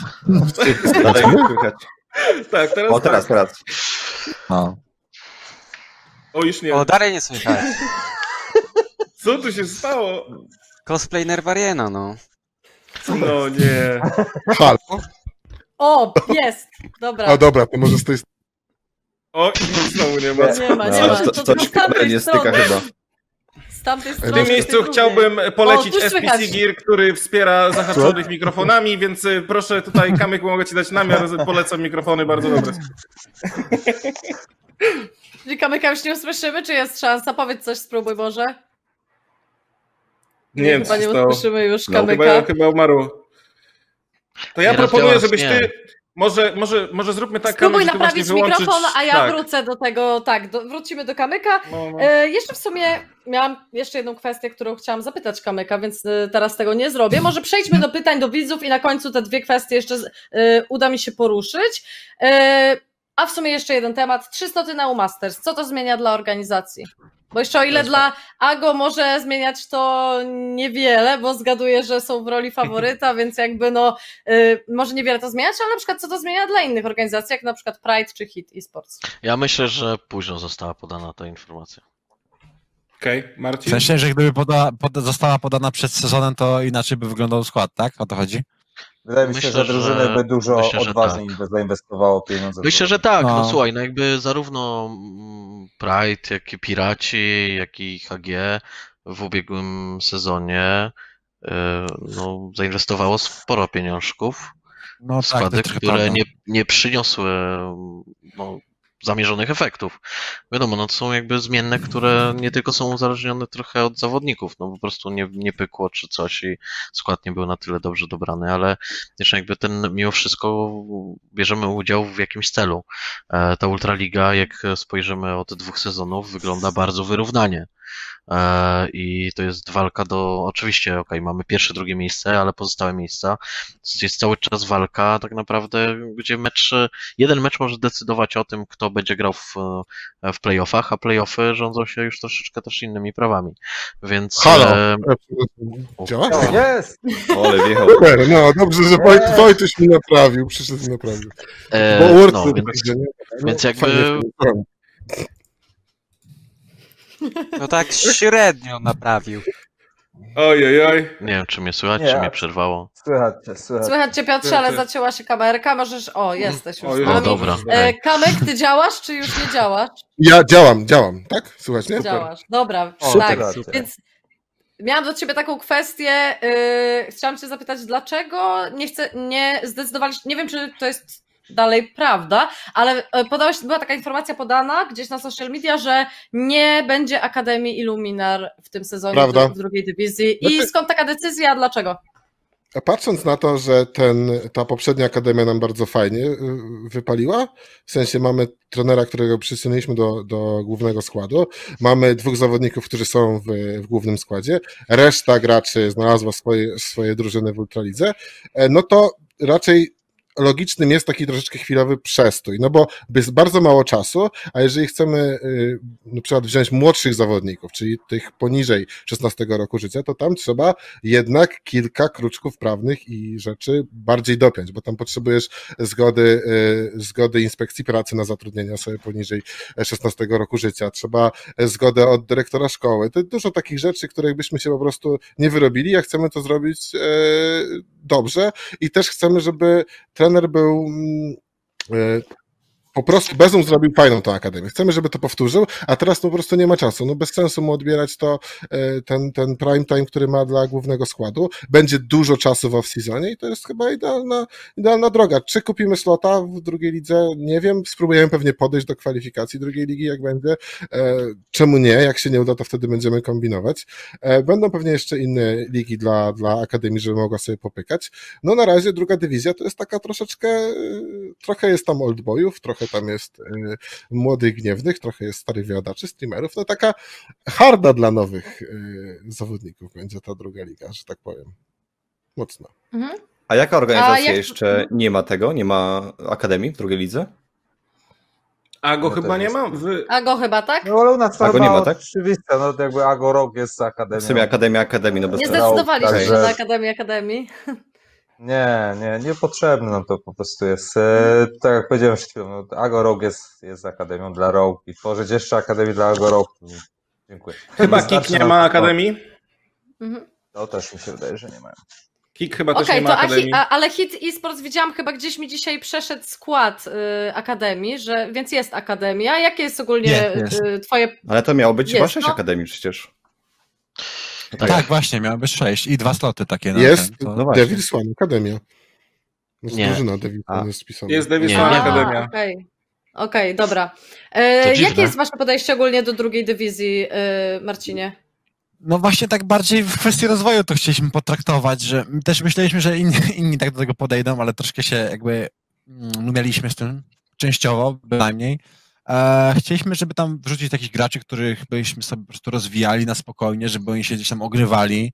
Nie mówię, oczywiście ciężko by było, żeby któryś z tych, których też tam widziałaś, pewnie wskoczył od razu do głównego składu w Ultralidze, no bo to jest jeszcze, wydaje mi się, że jeszcze nie ten poziom, aczkolwiek niektórzy bardzo fajnie aspirują na to, ale no głównie chodziło nam o to, żeby oni się tam ograli gdzieś tam z ludźmi na podobnym poziomie, żeby złapali doświadczenia, żebyśmy ich sobie poprowadzili od początku, e, żeby potem ewentualnie za, za split czy dwa, za dwa, trzy splity wrzucić takiego gracza czy graczy z akademii do głównego składu, bo nie ukrywajmy się, gracz, którego my znamy od gdzieś tam od, od roku, czy tam od, od, od e, 6, 7, 8 miesięcy jest dla nas dużo bardziej e, atrakcyjny, być można po, możemy powiedzieć na takiej zasadzie, że my wiemy, jakby, jakby znamy jego predyspozycje, znamy go jako, jako osobę, jako człowieka, wiemy, jaki trener go i jak prowadził, czy się sprawdzi, czy nie, więc teoretycznie jest to taka fajna inwestycja dla nas, jako dla, dla głównego składu, dla Akademii i jakby w ten sposób chcieliśmy do tego podejść. Jakby najniższym też dla nas e, kosztem, jeżeli chodzi o, o, o, o właśnie pozyskiwanie graczy do przysz, przyszłościowo do głównego składu. E, I jeżeli to wyjdzie, no to będziemy się tego trzymać, nie? No kurde, troszeczkę się zaskoczyłem, znaczy zaskoczyło mnie to, jak zobaczyłem składy, które tam będą grały. No faktycznie tych old tak? boy... Tak, tak, tak. No, to, ale te, też Anną tam ze swoim składem, Lewus i tak dalej, Czaru z Bolszakiem, więc no, tych old boy będzie jednak sporo i ten poziom, myślę, że to będzie troszeczkę tak, że będzie ta, będzie ta połowa górna tabeli właśnie w tych oldboyach, a, a jednak te, te, te młode chłopaki, chociaż no nie ukrywam, że mogą zaskoczyć, ale jest to Ale dla to nich to cięższe nawet dla nich, lepiej. nie? Mają lepszych przetrą się- przeciwników, więc jakby... A, fla, Przetrą się na Pytanie, pewno to też nie spali na początek, nie? No a Flash, to ty jesteś geniuszem. A. No, no. A wy jesteście Flash geniuszem biznesu, że tutaj gatekeepera Lewusa bierzecie, bo chyba u was będzie grał, tak? Tak, tak, tak, ale no patrząc na inne składy? Będziecie sprzedawać sloty? Będziecie sprzedawać Lewus, sloty? Lewus wzięty typowo pod slota chyba. No ale ładnie. nie, po prostu ogólnie to sytuacja wyglądała tak, że Gentleman's Gaming pozyskując slota dostała dość późno informację o tym, że będzie druga liga. I też pytaliście mnie, w jaki sposób my byśmy chcieli to przeprowadzić. Ja mówię, że na tryouty jest za mało czasu, bo do roster locku było tam bodajże, bodajże 2,5 tygodnia. Ja mówię, że w, ma, mając swoje screamy, to ja z Sherlockiem byśmy tego nie ogarnęli, żeby wyłonić tych najlepszych i potem by były sytuacje, że ktoś się dostał, bo e, jest e, kolegą z kimś tam i dlatego go wzięliśmy. Więc no po prostu trochę się uspokoiliśmy z tym i potem pisze Lewus, a Lewus napisał, bo zobaczył kto gra w kwali. I mówi, że no może być ciężko, a mówię, a co, chcesz grać? Mówi, no tak, no to mówię, no dobra, no i tak pozyskaliśmy 300 akademię. koła na mieszkanie i... Kolesiostwo, no ładnie, no. Nie ma kolesiostwa Ja muszę Nie ma kolesiostwa. muszę Nie ma. Lewusem skontaktować, bo dla mnie to jest, to jest koleś biznesu, nie? On potrafi pieniądze przynieść. Ale, ale, ale, ale co najlepsze, ale co najlepsze, to nawet no boost na socjalach jaki, proszę bardzo. Tutaj Blue Alert, ulubieniec też czeski, polskiej sceny, tutaj Fatisian Demir, turecki Polak. Więc no tak trochę bardziej pod boosting socjali też nie będę ukrywał. Nie sam wynik sportowy, ale też trochę może pod content. Okej, Bo super, dobra. Myślę, że możemy... wojskomy będą śmieszne. Myślę, że możemy przejść do naszych pytań, dlatego e, Tomku, czy możesz wyświetlić nam pierwsze pytanko? Ważne pytanie. Kiedy Nerfarian wykupi slot od Lewusa? No to już wiemy kiedy. Teraz Lewus wygra. Chyba następny Teraz rok, to jeszcze tak? do A jak to jest to, Damian, z tobą? Bo my tak cię połkujemy co odcinek, kiedy Team Nerwariena z Nerwarienem jako influencerem, albo nawet jako graczem. Jak to? Myślałeś coś o tym A jakaś pewno. organizacja sportowa? No, ale przecież cały czas tutaj mówimy o tym, że organizacje tutaj 2 miliony w plecy i tak dalej. No jaka organizacja? Co ty? Po co mi to? Na, Ale- Na co jako mi to? Borc się utrzymują z Piotrkiem, no to zerwa to. No, to ty ja nie rady. na minusie też leci cały czas. Więc... Bierzecie, bierzecie udział w tych samych reklamach Old Spice'a, hajs dzielicie po połowie, czyli masz te pieniądze, jak Piotrek ma. No. Wolej mieć dla siebie niż je palić, no niestety. No. Nie, No, dużo ale- myślałem o tym, ale. Czyli no nie, mówisz no, oficjalnie, że nie, nie palisz to- tych pieniędzy, tak? Nie, nie, nie przepalasz tych pieniędzy, tak? W żaden sposób. No nie, nie we sporcie właśnie, no. Dobrze, dobrze. Nie we sporcie, okej. Coś, dziękuję. że, że myślałeś o tym, więc myślałeś o tym, dlaczego tak, dlaczego nie, bo zacząłeś już mówić na poważnie, Nie, nie, nie. ale Znaczy- znowu są Tak, no ogólnie myślałem o tym i ta, ta druga liga też mnie w ogóle zainteresowała, ale potem jak właśnie usłyszałem, że te sześć slotów i tak dalej Akademii jest, to, to mi się trochę to odwidziało, tak szczerze. Dlaczego? Bo jeśli jakby by to było, wiesz, jeśli by to było... Jako Znaczy, gracz, chodzi mi o to, że jeśli by było ogólnie 8 organizacji, która sobie po prostu wchodzi, jakieś tam kwali są robione, to myślę, że w ten sposób by, tym, by mnie to bardziej e, ciekawiło. A Mhm. tak, no to no, no nie do końca po prostu. A, chodzi o to, dlaczego? że jakby, Dlaczego? gdyby to były nowe twory po prostu, że masz Mhm. totalnie nowe organizacje, nie ma żadnych akademii, okej. A dlaczego te akademie ci się wydają nieatrakcyjne? Dlaczego to jest gorsze dla ciebie? No myślałem, że to będzie troszkę inaczej wyglądało ta druga liga po prostu, a teraz patrząc na to, że te właśnie orki z pierwszej ligi też mają e, składy, które no aktualnie widzimy, no dobrze wyglądają po prostu, więc ciężko by się nawet może było przebić w tej, w tej drugiej lidze. A No czy ogólnie, no, tutaj, Śmiało. co wcześniej też Marcin mówił, no jakby to jak, jakby ja też liczyłem na to, że druga liga będzie druga liga do tego, aby wyłonić zawodników, którzy no, mają się sprawdzić, których nie zna scena. No widzimy, nie wiem, no jakie, jakie niki tam się pojawiły i tak na dobrą sprawę to po co robić tą akademię? Mhm.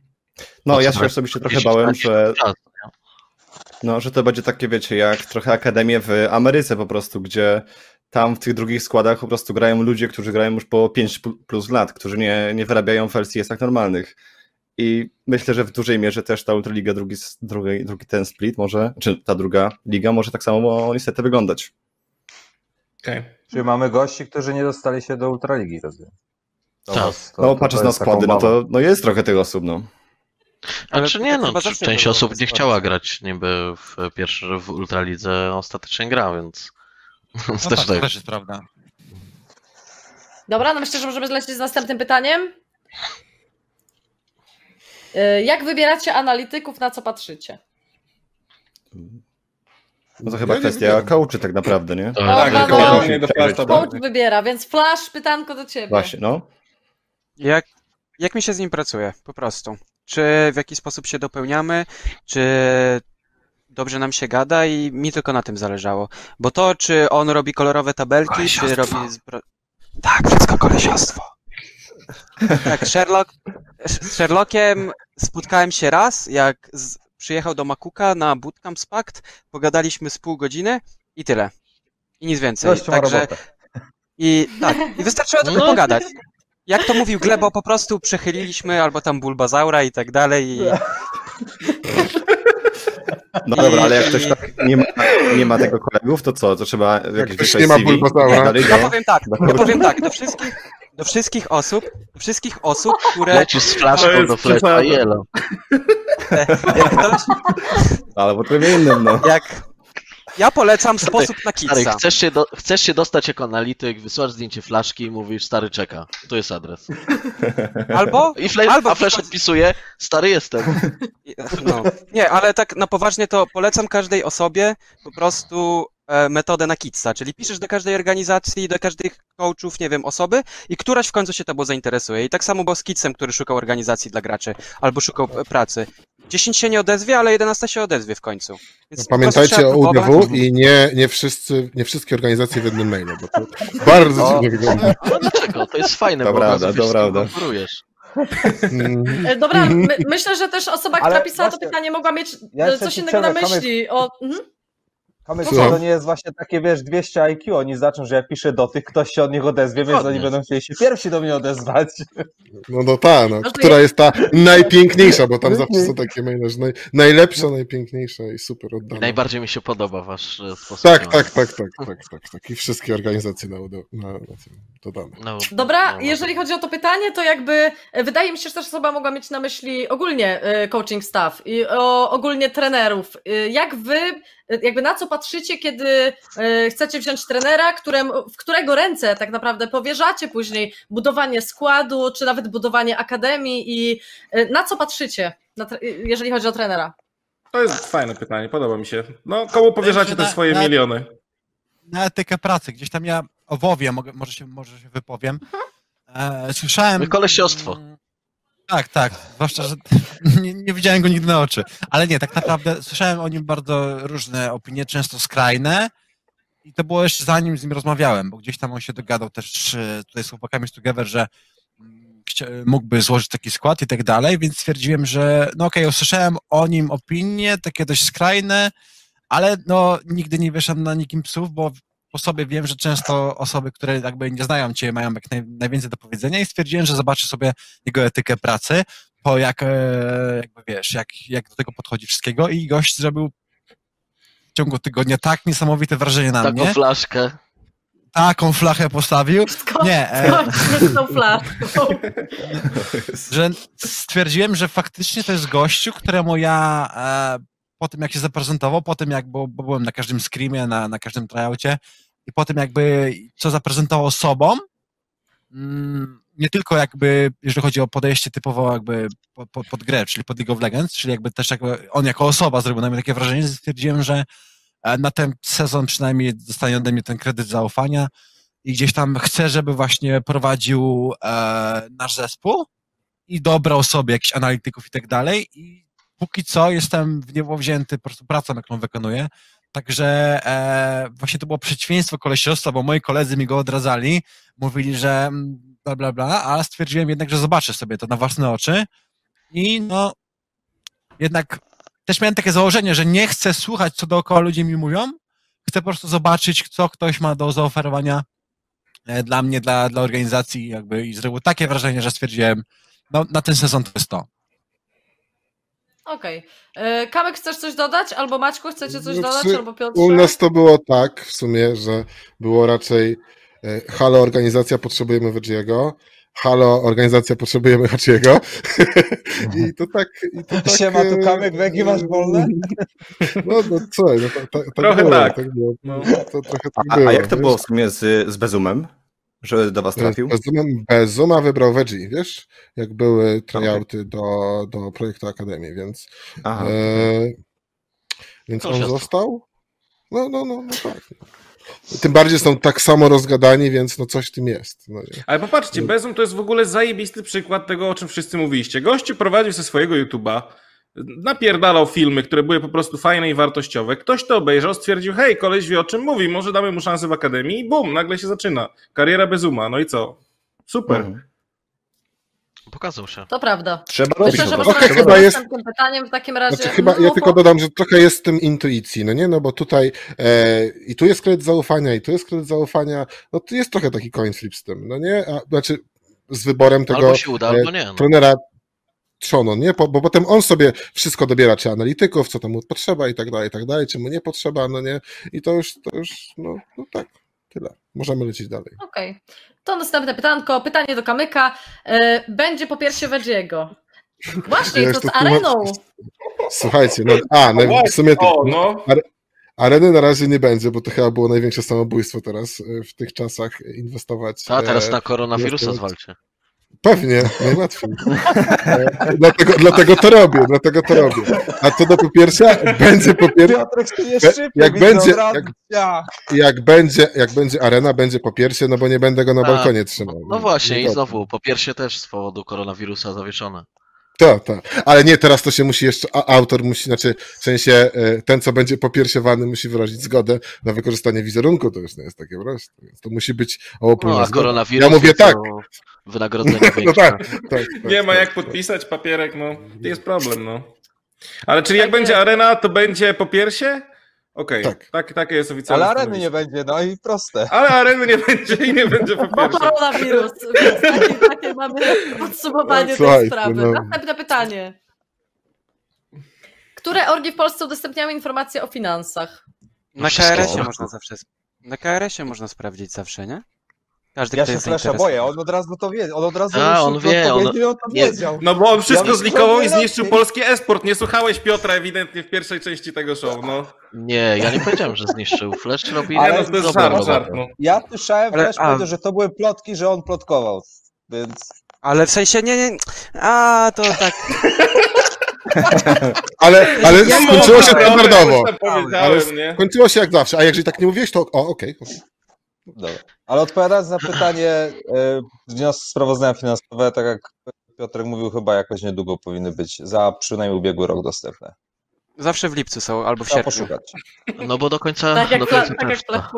Do końca Tak czerwca Flash jest mówi. Mhm. zebranie, zgrupowanie współwłaścicieli, podpisanie i później jest wgranie dokumentów do 14 dni, więc z reguły, nie wiem, 15 lipca już powinny być wszystkie sprawozdania film Te książki, które tam są za flashem, to już są te sprawozdania, które właśnie będą opublikowane za miesiąc e, Tak, przez organizację tak. w Polsce. Będziemy, będziemy, Także- będziemy analizować na Twitterze. Będziemy Następny analizować na polski łyn 16 lipca, proponuję od razu i lecimy po kolei. Będziemy omawiać. I, I potem, y, a panie Opielski, a czemu pan tyle na Gimpera wydał? Proszę mi to wytłumaczyć. No to można teraz się zacznie. Czy mamy jeszcze jedno pytanie? Bo powinno to być chyba już ostatnie pytanie z tego, co... A to co, już kończę wideobloga? Pięć. Tak, Tak, tak, kończymy już wideobloga już. Dwie i pół godziny, to już najdłuższy odcinek będzie. Pytanie do Kamyka. Jak z współpracą z BDOS-em? No ogólnie współpraca z BDS-em jest w sumie spoko, była taka bardziej e, też przez koronę, ale No, pograliśmy tak. Oj, oj, oj. Mm. E, znaczy nie, no tam streamerzy sobie pograli w sumie na ekipę, na ekipę BDS-a Valoranta. Mieliśmy ten na początku fajny start, bo był ten event SBM Label, na którym byliśmy. Miało być tego więcej i powinno być tego więcej, no ale z tymi eventami obecnie jest jak jest, więc no jest tak, no jest jak jest. Ale współpraca dalej no. jest jakby, No będzie tak, to tak, tak. kontynuowane No, jesteśmy dalej, czas- czy... Jesteśmy, w, jesteśmy cały czas w stałym kontakcie z SBM, z SBM Label, bo to bardziej z nimi jest współpraca, BDS przecież jest tam, jest tam częścią, więc bardziej jesteśmy z nimi w kontakcie i też nas informują, co tam się dzieje, jak współpracują i tyle, no.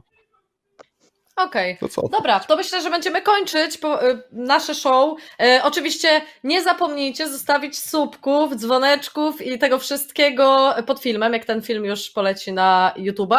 E, I oczywiście będziemy teraz żegnać po kolei naszych gości i nasi goście oczywiście mogą powiedzieć, gdzie tam ludzie mają wbijać, klikać i co mają lajkować, żeby też trochę tam wiadomo tym organizacjom przenieść jakichkolwiek tych naszych widzów z dzisiejszego show, którym się ono podobało i nie podobało i tak dalej. E, Flash, może najpierw zaczniemy od ciebie. Możesz się pożegnać, zaprosić. Żegnam się, dziękuję za, za zaproszenie jako sub. No i co, no i widzimy się na Fame MMA Esport. Okay, To jest oficjalne wyzwanie Piotra Lipskiego na Fame MMA. Tylko, ej, ale, sobie tam- ale, ale powiedz, powiedz z wyprzedzeniem, z wyprzedzeniem, żebym na cykl wjechał, nie? Bo ty za duży jest. Właśnie zapytać o jakieś kategorie wagowe, no bądźcie ludźmi. Myślę, że może być ciężko zdobiciem. Adrian? Dobrze, no to ja chciałem bardzo podziękować. Moim marzeniem od dawna było właśnie wystąpić we vlogu Piotrka Lipskiego. Ostatnio generalnie ludzie rzadko mnie zapraszają do różnych programów, także bardzo się cieszę, że tym razem dla odmiany ja mogłem być zaproszony. Fajna sprawa. Słuchajcie, przed nami cztery tygodnie zahaczo i sporty, także zostawcie parę subków, większa szansa na drugi sezon. Tyle ode mnie. Dziękuję bardzo gościom. Słucham, słucham? Nie, że starczy, no to mój materiał. Nie Przepraszam szefie, przepraszam, przepraszam. Dobra, Grzegorz? Ja również chciałem podziękować Piotrkowi za udział w, w, w jego vlogu. E, Było naprawdę miło powspominać stare dzieje, jak to kiedyś było między nami dinozaurami. Mam nadzieję, że wszyscy, wszystkim nam, oczywiście każdy będzie mógł pracować nie za darmo, tylko już za solidną kaskę. Tego sobie życz, życzmy. E, No i oczywiście wspaniałej rywalizacji w Ultralidze, no bo dopiero się wszystko zaczyna i rozkręca. Nerwarian? No to ja też po prostu podziękuję Piotrkowi za zaproszenie. Oddaję teraz głos, żeby nie, nie przedłużać, no bo wiem, że to pewno coś chce powiedzieć. Dobra, to Piotr, Piotrek. Dziękuję wszystkim za obejrzenie mojego programu. Za tydzień widzimy się o tej samej porze. Troszeczkę innie zmienionym składzie, a tak poważnie to słuchajcie, no wspierajcie wszystkie organizacje, bo nie wiadomo co przyniesie los w przyszłym roku. Tak szybko odchodzą. To prawda. Maćku? E, No ja dziękuję za zaproszenie i mam nadzieję, że następnego razu. Marcin? Ja też dziękuję za zaproszenie. Chciałbym prosić wszystkich widzów do subskrybowania i łapkowania także, tego jakże wspaniałego kanału, którym jest kanał Nerwariena. Dziękuję ślicznie. Zapraszamy do subskrybowania kanału Nerwariana również, ale również do lajkowania Piotrka, wszystkich e, i Piotrka Lipskiego też. organizacji i Piotrka Lipskiego. Ja też dziękuję za zaproszenia. Ja też dziękuję za zaproszenie Piotrkowi Lipskiemu, bo gdyby nie on, to nie było mnie w dzisiejszym odcinku, więc następnym e, odcinku dzięki zahacz o wszystkim. Piotrka inne tematy.